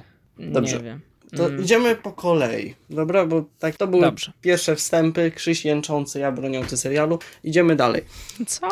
E, samo granie. Jak oceniasz? Mm, to znaczy tak, to ym, do Toma Hindelstona wrócę ym, za chwilkę, ale Okej. mówiąc o pierwszym planie, no to zwracam uwagę na y, y, tą aktorkę, której rzecz jasna teraz imienia i nazwiska nie pamiętam, Ym, ale ym, no, y, gra, aktorkę grającą Sylwii, jak dla mnie bardzo fajnie wypada. Jako ta No, postać tak. potrafi się w nią wcielić i to jest dobry casting. Yy, I ona mi jak najbardziej do tej roli pasuje. I świetnie przedstawia postać Sylwii. I ja czekam na dalsze jakby losy tej postaci. Mamy też Owena Wilsona jako Mobiusa i on też jakby w, pierwszych, w pierwszym odcinku nie za bardzo, ale wierzyłem, że się rozkręci i faktycznie się rozkręcił na taką postać, no, która jak mówi, no to faktycznie jest w niej to coś. To znaczy dialogi, jakie przeprowadza zarówno z Sylwii, jak i Lokim, jak tą e, panią sędzią, mm, która tam jest też, e, to mm, no tak. E, Dokładnie. tak, bardzo. Natomiast drugi plan, to tu nie mamy nikogo jakby takiego, kto by się bardzo rzucił w oczy. Mamy no, w tym odcinku przedostatnim mamy te warianty Lokiego, ale z nimi za dużo czasu to my nie spędzamy za bardzo, więc nie jest dużo czasu na przyjrzenie się im. W ogóle to też mi zabrakło, że ta interakcja z poznawaniem kolejnych wersji siebie przez Lokiego nie była jakoś dłuższa i bardziej rozbudowana, bo on tam spędza w sumie dosłownie parę, paręnaście minut i to w sumie tyle z tej interakcji. Hmm. Czyli Ale jak już jest, to jest- to jest to bardzo fajne. okej. W sensie, Ogólnie klasyczny Loki, czyli ten stary, to jest najlepsza postać, jaka istnieje. To Tak. jest piękne. no i aligator jeszcze. Tak. Aligator Ale Loki, ciężko oceniać grę aktorską aligatora. No, nie no, błagam cię, była na wybitnym poziomie. Ten uśmiech złowieszczy. Tak. E, no i tak. Znaczy tutaj mam wrażenie, że jakby w każdym na razie serialu MCU jest podobny wysoki poziom. Często właśnie gra aktorska je trzyma. Praktycznie. I Tak. relacje między głów... W ogóle zauważyłem, że często jest właśnie relacja między głównymi dwoma postaciami. No tak, to jest w MCU coraz bardziej dopracowane. Ostatnio w Czarnej Wdowie całkiem ta relacja siostrzana była jednym z najlepszych elementów OK filmu, więc no. Yy, ale coś i tu też to wypada yy, świetnie. Yy, bo, bo w ogóle relacja Lokiego i Sylwii jest w tym serialu, oprócz tego, pomijając to, że jest za szybko zbudowana i tak dalej, yy, to jest pokazana świetnie.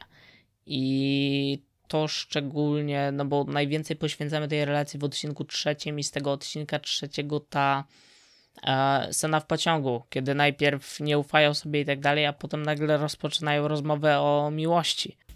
I to jest niby taka absurdalna wstawka, ale mnie to urzekło. I potem mamy śpiewającego Toma Hiddlestona, I to jeszcze po jakim języku? O tak, no. I, ym, i to jest i w ogóle, no i teraz przechodząc już może płynnie do Toma Hiddlestona, to on jak zwykle wypada naprawdę fajnie i y, widać, że żongluje tutaj mi swoimi umiejętnościami, które nabył, bo on chyba zaczynał jako aktor teatralny w ogóle y, i widać, że tu bierze te swoje umiejętności i dobrze je wykorzystuje. I naprawdę fajnie. I cała postać Lokiego w tym serialu naprawdę mi się podoba, ale mam z nią taki jeden problem. Hmm? Y, to znaczy, mimo że Loki w tym serialu y, jest naprawdę fajny i tak dalej, to mimo to jest to, mm, biorąc pod uwagę poprzednie wydarzenia z MCU, że jest to Loki wzięty mm, z roku 2012 i mimo to, że dosłownie całe jego hipotetyczne życie przejechało mu przed oczami yy, i że zobaczył swoją hipotetyczną śmierć, to mimo wszystko to dla mnie postać Lokiego w tym serialu jest trochę jakby out of the character. To czy pasuje do jego nowszych wcieleń, ale właśnie do tamtego Tak, nie do końca. Właśnie, ale Jakby to i, wystarczy... tak, to i tak już, to i tak, mimo że bardziej pasuje do tych nowszych wcieleń, to i tak nie jest Loki, którego znamy z filmów. To nie jest już Znaczy, ta sama postać. z Ragnaroka mocno tak, chociaż jakby wiesz, to jest jego Ale wariant, Też po już pierwsze. niekoniecznie. To nie jest ten sam Loki, to jest wariant Lokiego. A druga sprawa, że mam wrażenie, że po prostu doznał pewnego załamania psychicznego po tym, jak Może- zobaczył to wszystko. Może tak, Takiego ale szoku trochę. Tak, ale mimo wszystko Loki nadal Wiem. jest jakby trochę w niektórych momentach potrafi być sarkastycznym dupkiem, potrafi być mocnym ign- y, ignorantem i jakby też ma, nie ma zbytniego zaufania do ludzi i tu jest problem z tą relacją całą Sylwii, dlatego że oni jakby zaczynają sobie ufać jak dla mnie trochę za szybko. Znaczy nie wierzę, że Loki w odcinku trzecim Loki z 2012 roku, mimo tego, co powiedziałem, że widział swoje życie, swoją śmierć i tak dalej, yy, mimo tego nie wierzę, że Loki byłby w stanie schrzanić cały plan, jaki mieli. Nie wierzę, żeby Loki mógł się upić przy osobie, której nie do końca ufa i której praktycznie nie zna. Jakby to się dla mnie nie do końca mieści w prawda. głowie w kontekście tej postaci, no. Za bardzo robili z niego głupka z powodów fabularnych Tak, ale często. i mimo, że ta postać jest fajna, to to już nie jest ten Loki, który był w MCU i przez którego wszyscy Lokiego pokochali. To znaczy, to nie jest Loki, który już Loki nie jest, widać, że nie jest tu aż tak bardzo sarkastyczny i tak dalej, tylko bardziej, przynajmniej przed Sylwii, bo szczególnie w relacjach z Sylwii go tutaj widzimy, taki bardziej taki Loki z wczesnego MCU to ujawnia nam się tutaj w, w rozmowach i relacji całej z Mobiusem, e, ale w relacji z Sylwii to widzimy bardziej takiego Lokiego otwierającego się, pokazującego publicznie mówiącego otwarcie o swoich uczuciach, czego raczej Loki by nie zrobił. To nie jest postać, która by coś takiego zrobiła. Nawet po tym załamaniu, nie? Choć właśnie trzeba, jakby wiesz, inaczej się tworzy spojrzenie na głównego antagonistę, a inaczej na protagonistę. Tutaj ciężko by było stworzyć cały jakiś wciągający serial z takim Lokim, jaki był e, w Avengersach, czyli praktycznie czyste zło. Jakby powtórz sobie na przykład scenę e, jego teleportowania się do S.H.I.E.L.D. On tam masakrę urządził. No, bo, no bo jednak Loki mimo wszystko na tamtym etapie był psychopatą i tyle. Jakby i ten serial powinien być mroczniejszy. Tak, w sensie to Ja on bym był, chciał. powinien być mroczniejszy, ale powinien też operować jak dla mnie takim czarnym humorem miejscami. Mhm. A, I no i jednak mimo, że lo, postać Lokiego w tym serialu jest dla mnie fajna jak najbardziej i ją akceptuję, to jednak bardziej bym zaakceptował Lokiego bardziej takiego zwariowanego, bardziej ironicznego, bardziej jakiegoś y, no, ps- Lokiego psychopatę trochę, tak? Może w mniejszym stopniu niż z 2012 roku, ale jednak, tak. I tego mi troszeczkę brakuje. Ogólnie tak mam wrażenie, że Zimo się bardziej trochę niż Loki zachowuje niż Loki. Właśnie, o, no, chciałem od... Dzięki, w że mi tej kwestii przypomniałeś, bo, tak. morderczości Tak, bo- i takiego wyrachowania chłodnego. Tak, bo właśnie pomyślałem o tym wczoraj chyba myjąc zęby i zapomniałem i nie zapisałem sobie, dzięki, że mi przypomniałeś, bo właśnie tak, też mi się wydaje, że teraz Zimo jakby zastąpił tego Lokiego, a Loki stał się zupełnie inną postacią. Znaczy może nie tyle zastąpił, to nadal coś innego, Trochę tak, ale, tak, no, ale tak. upodobnił się do niego i, i i lubimy Zimo, tak samo jak lubimy Lokiego z tego serialu, mimo że Zimo w, w Falcon the Winter Soldier też jest, też jest postacią out of the character. On też nie jest tą postacią, którą widzieliśmy w Civil War. No. Ale podoba mi się bardziej niż właśnie ta z Civil War. Tak. W przypadku Lokiego trochę mniej mi się podoba Loki niż ten Loki filmowy i jego budowanie jego postaci przez lata. No ale jest ok, tak? I, no i też się cieszę, bo y, chyba wydaje mi się, że dostaliśmy tu prawie na 100% więcej Lokiego niż w całym MCU dotychczasowym. Znaczy, jeśli chodzi o tak scenowo, no to tak. No to Ogólnie tak. co do jeszcze samej postaci, to ciekawe jest, jak bardzo zmienili jego proporcje umiejętności. Bo no, tak, tak. z jednej strony mamy dużo więcej magii, czyli niby fajnie, dużo bardziej, jakby bardzo ma ogólnie podobne moce co do Agaty Harkness, jak się tak zastanowić, Trochę co ma sens, tak. bo oboje są magiczni i jakby nauczyła go jego matka, która została wychowana przez czarownicę, co zostało powiedziane, łączy się, ale z drugiej strony dużo gorzej sobie radzi w kwestiach fizycznych. To znaczy, jeżeli pracownicy TVA to tylko ludzie, jakby jest raczej, ale nie do końca pewne, bo możliwe, że to są po prostu humanoidy często, Kree albo ktoś, to jakby, no że dwóch ludzi by go utrzymało, no nie do końca. Jakby wiemy, co on z Kapitanem Ameryką zrobił w pierwszych Avengersach. No. Jakby go rozwalił.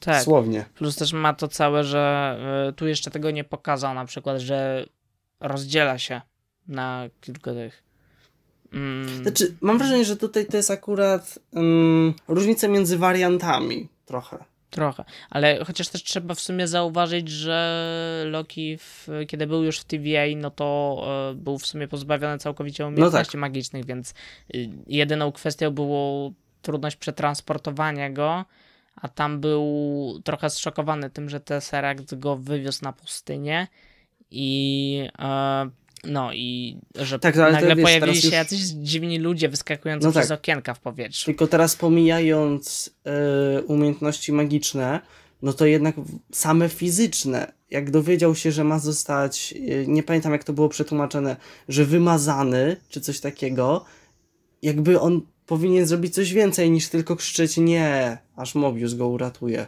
Tak, ale w ogóle yy, te to jeszcze wracając do tego, że Loki trochę no, jest inną postacią, to jest nadal tutaj kilka scenek, w których jednak pojawia nam się ten stary, dobry Loki. Y, no i jest to na przykład ta scena, kiedy zabiera ten czasownik jakby y, tej mm, jednej z pracowniczek tego TVA i tam się bawi tym, wiesz. A, tak. Tym, tym, tym, świetne to jest. Ogólnie wyszło to mocno dlatego, że właśnie tak szybko był w stanie ją rozbroić. No właśnie tak, a potem... To też było imponujące. Potem, wiesz, zaczął się bawić. Tak. I to... No to była jedna z tych scenek, w których bardziej, bardziej. No mówię, jakimś, jakimś wyjaśnieniem jest na przykład powiedzenie, że ci straży, ta ochrona w pociągu na Lamentis to na przykład byli Kree, bo z tego co się dowiedziałem na Reddicie, to właśnie Lamentis było w komiksach częścią Imperium Kree. No może A jak wiemy, tak. Kree są silniejsi. Może i tak. Więc no w zostawmy, ogóle... jest okej. Okay. Jakby nie złoszczę się, bo dużo magii pokazali, a magia fajna rzecz. Szczególnie, ogóle... że zawsze Loki za mało tej magii pokazywał. Mhm. Tak. Choć teraz z drugiej poszło to w drugą stronę. Jakby, jak wcześniej był w stanie walczyć praktycznie z Torem w pierwszym torze albo w Avengersach, to teraz Mam wrażenie, że jeden ruch z Breakerem i byłoby. No, zrobił tak. się, y, mówię, zrobił Koniec. się troszeczkę taką um, e, leniwą był z emocjami na wierzchu. Troszeczkę takie, że zrobił się. Ten Loki jest bardziej taki ciapkowaty jednak, no. Trzeba to przyznać, że no, no bardziej poszedł w stronę takiego, no. I z jednej strony może jest to w niektórych momentach fajne, a w niektórych kompletnie mi się nie podoba. Także no, mam nadzieję, że jeszcze jakoś w drugim sezonie uda się tą postać jakby unormować tak, żeby to może nie była ta sama postać co w MCU, bo z drugiej strony w sumie tego nie chcę, ale żeby to była postać bardziej unormowana pod wieloma względami. No dokładnie. Znaczy mam wrażenie, że taki z Ragnaroka był akurat. Mhm, tak, tak. Dlatego szkoda mi, że nie będzie go w Thor Love and Thunders. Szczególnie, że... No zobaczymy w ogóle, jak to się rozwinie. Czy Loki na przykład będzie w drugim Doktorze Strange'u, czy nie? Właśnie y, podobno Tom Hiddleston potwierdził, że będzie. No właśnie. Ale nie wiem, nie wiem. Y, No, Liczę, że dowiemy. tak, aczkolwiek no, chciał, chciałem na przykład, żeby był w Thor Love and Thunders, bo na przykład Taika ostatnio zapowiadał, że y, nowy Thor będzie najbardziej porąbanym filmem w jego karierze w wolnym tłumaczeniu, więc no, to mogłoby tej postaci wyjść na dobre. Aczkolwiek, no nie wiem, tak. No i nie zobaczymy raczej w and Thunders Lokiego, więc nie ma co, nie ma co liczyć na to. Okej. E, Przechodząc do, rzeczy bardziej technicznych. Scenografia bardzo fajnie. Jakby Tak. łącząc to z samymi efektami, wszystko wyglądało ładnie. Wszystkie same lokacje ujęcia, bardzo wszystko ładnie. tak. Akurat. Samo TVA jest pięknie zrobione na to takie Oj, tak, retro. e, stylizowana na tą całą, wiesz, korporację i te kamienie nieskończoności Mhm. w szufladzie. I potem jeszcze Aj. La Memphis też jest bardzo ładnie z tymi fioletowymi detalami, przypominającymi niektóre lokacje z Avengers Endgame i Infinity I War. chyba Infinity z War, takich rzeczy technicznych, nie wiem czy może ty będziesz coś jeszcze miał, ale mam wrażenie, że to taka ostatnia rzecz z takich ważnych rzeczy technicznych. No, I mianowicie y, muzyka. Oj, tak. Tak, tak, tak i jeszcze raz tak. Muzyka Jest, jest dobra. przegenialna dla mnie. To znaczy, tak jak ostatni zachwyt nad muzyką miałem w Ray and the Last Dragon, tak tutaj jest on co najmniej dwa razy większy. Naprawdę jestem pod dużym wrażeniem bardzo, jak to wszystko się, jak ona bardzo komponuje się z całością tego, co w danym momencie widzimy na ekranie. Jak bardzo w niektórych momentach jest niepokojąca i dziwna po prostu. Strasznie dziwnie się tego słucha, jak jeszcze przesłuchałem sobie parę razy samego soundtracku na Spotify'u. Strasznie dziwnie się tego słucha i no tak, muzykę z tego co kojarzę komponowała pani Natalii e, Hoth, czy coś takiego, nie pamiętam. I nie, nie, chyba nie oglądałem jeszcze żadnej produkcji z jej muzyką. I no pani kibicuje, bo widać, że ma duży talent do tego i tutaj pokazała naprawdę klasę, jeśli chodzi o muzykę. No, I tak. niektóre motywy takie bardziej zapadające w pamięć niż z filmów praktycznie. Mhm. Tak, tak. Ja, ja, ja słyszę jeszcze raz te mm, nutki w głowie. Plus słyszę oczywiście śpiewającego Toma Hiddlestona. To trochę inna para kaloszy, ale y, tak. Proszę więcej śpiewającego Toma Hiddlestona. Nieważne, że był wtedy out of the character. Był świetny. Także wielkie, Dobrze. wielkie oklaski za muzykę. Muzyka ogóle to jest ja to, chcę co niestety zezłościć się na rzecz Mhm. pod tytułem y, same rzeczy czasowe. Hmm. Jakby mieściło się to w granicach błędów, jak za, błędu, jak zawsze bierze się ktokolwiek za coś takiego, ale po prostu było parę nieścisłości na zasadzie jakby czas jest kółkiem. No okej, jestem w stanie, jakby spoko, nie? E, tylko pytanie, że jakby zamek tego gościa był sobie tam. Mhm. Jakby pomijając, gdzie on był, No poza E, czasem jakby no chyba. tak. Tylko, że skoro był poza czasem, to dlaczego tam w ogóle czas płynie? No jakby, no tak, tak. Ale w To ogóle, do, dobra, to już możemy przejść do tego finałowego odcinka, z którym ja chyba, mimo tego, że się czepiam różnych rzeczy w całym serialu, ale ogólnie cały serial bardzo mi się podoba, y, to chyba najwięcej problemów mam z, y, z ostatnim odcinkiem. Bo o ile większość tego, że sceny, mm, generalnie to, że był tu przewa- mm, przeważenie statecznych scen gadanych i statecznych scen niegadanych nad scenami czysto akcyjnymi w tym serialu, to w większości przypadków mnie to nie przeszkadzało i nie byłem studzony, może w pierwszym odcinku trochę, ale potem to przeszło.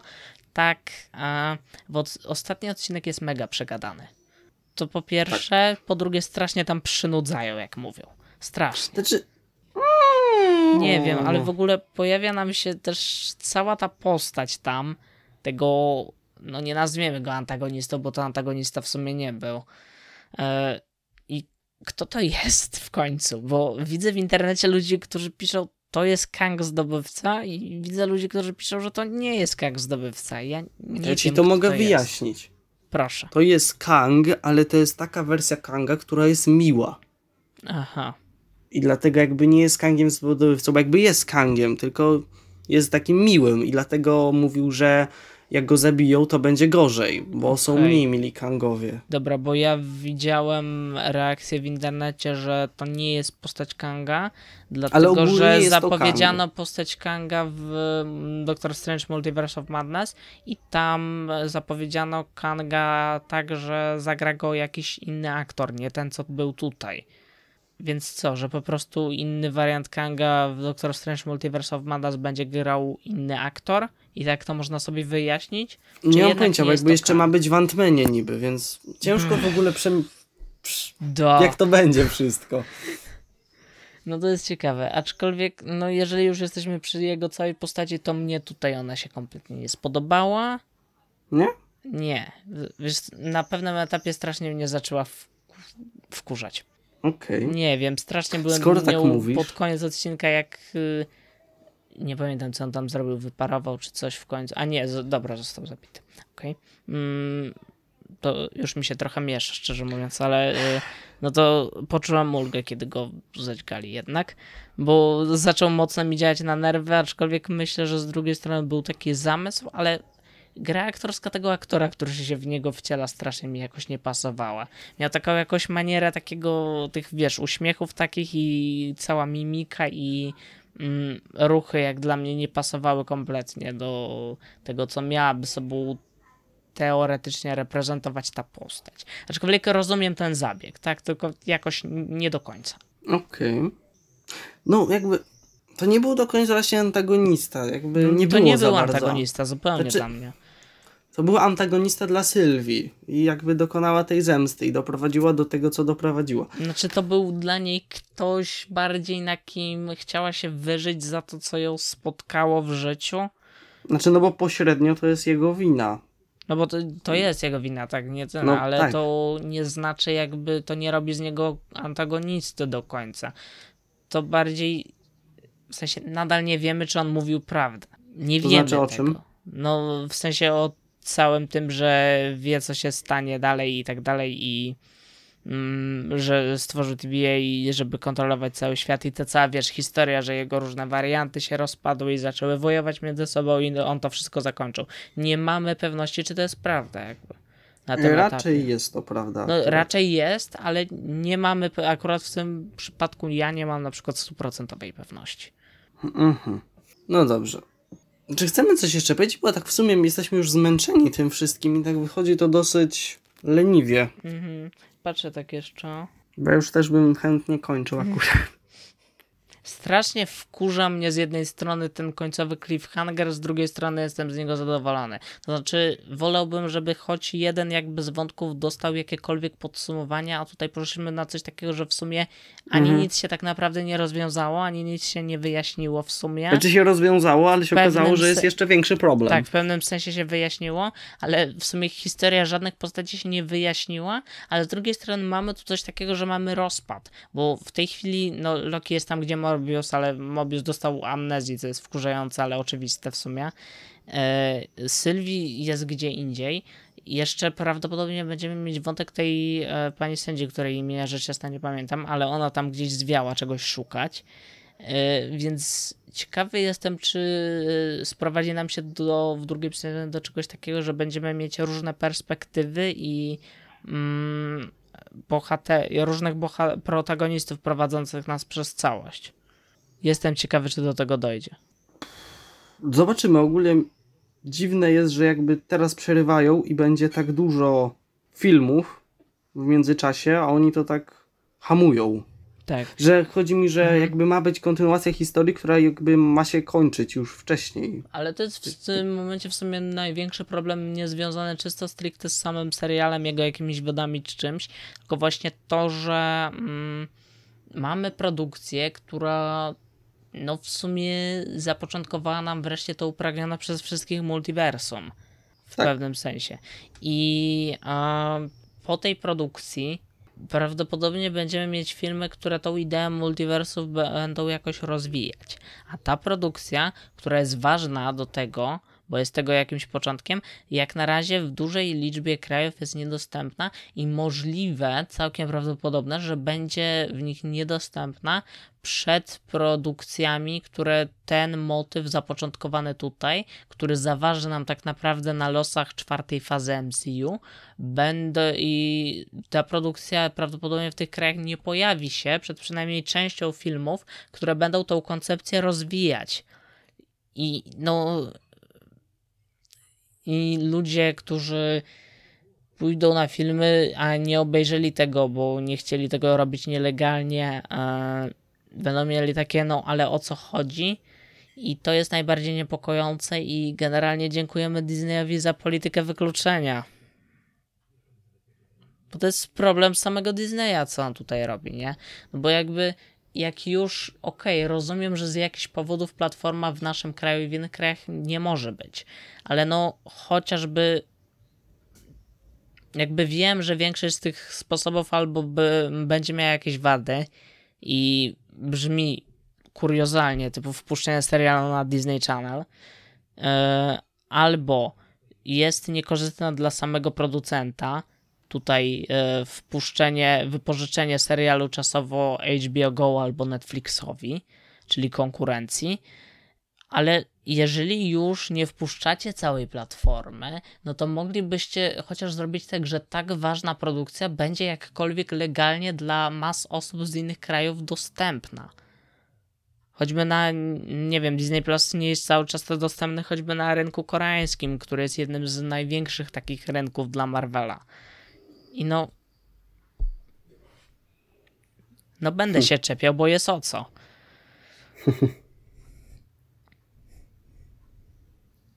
Wyglądasz jak duch w ciemności, bo tak się oświetlasz telefonem. Nie, bo już mi się nudzi. Możesz okay. kończyć, bo tak zacząłeś mówić o tych niesprawiedliwościach społecznych, jakby jesteśmy wszyscy tego świadomi, nie musisz tego powtarzać. No da. Dobrze, dobrze. E... Brawo. Ja ostatecznie daję 8 z serduszkiem. Mm, wow. Dobra. Yy... Ja daję 7 bo całością wow. serialu, generalnie serial bardzo mi się podoba i jest tam, tylko mam taki problem, że jest dużo motywów i fajnych motywów i fajnych rzeczy, które nie zostały tak dobrze, jak powinny być wykorzystane tutaj, ale liczę po prostu, że ten serial się jeszcze jakoś rozwinie i liczę na tą e, dalszą eksploatację w drugim sezonie i może tam kolejnych sezonach i wtedy może odbędzie się u mnie aktualizacja oceny. Na razie no, to jest 7, bo jestem zadowolony, podobało mi się, ale czegoś cały czas czuję, że mi zabrakło.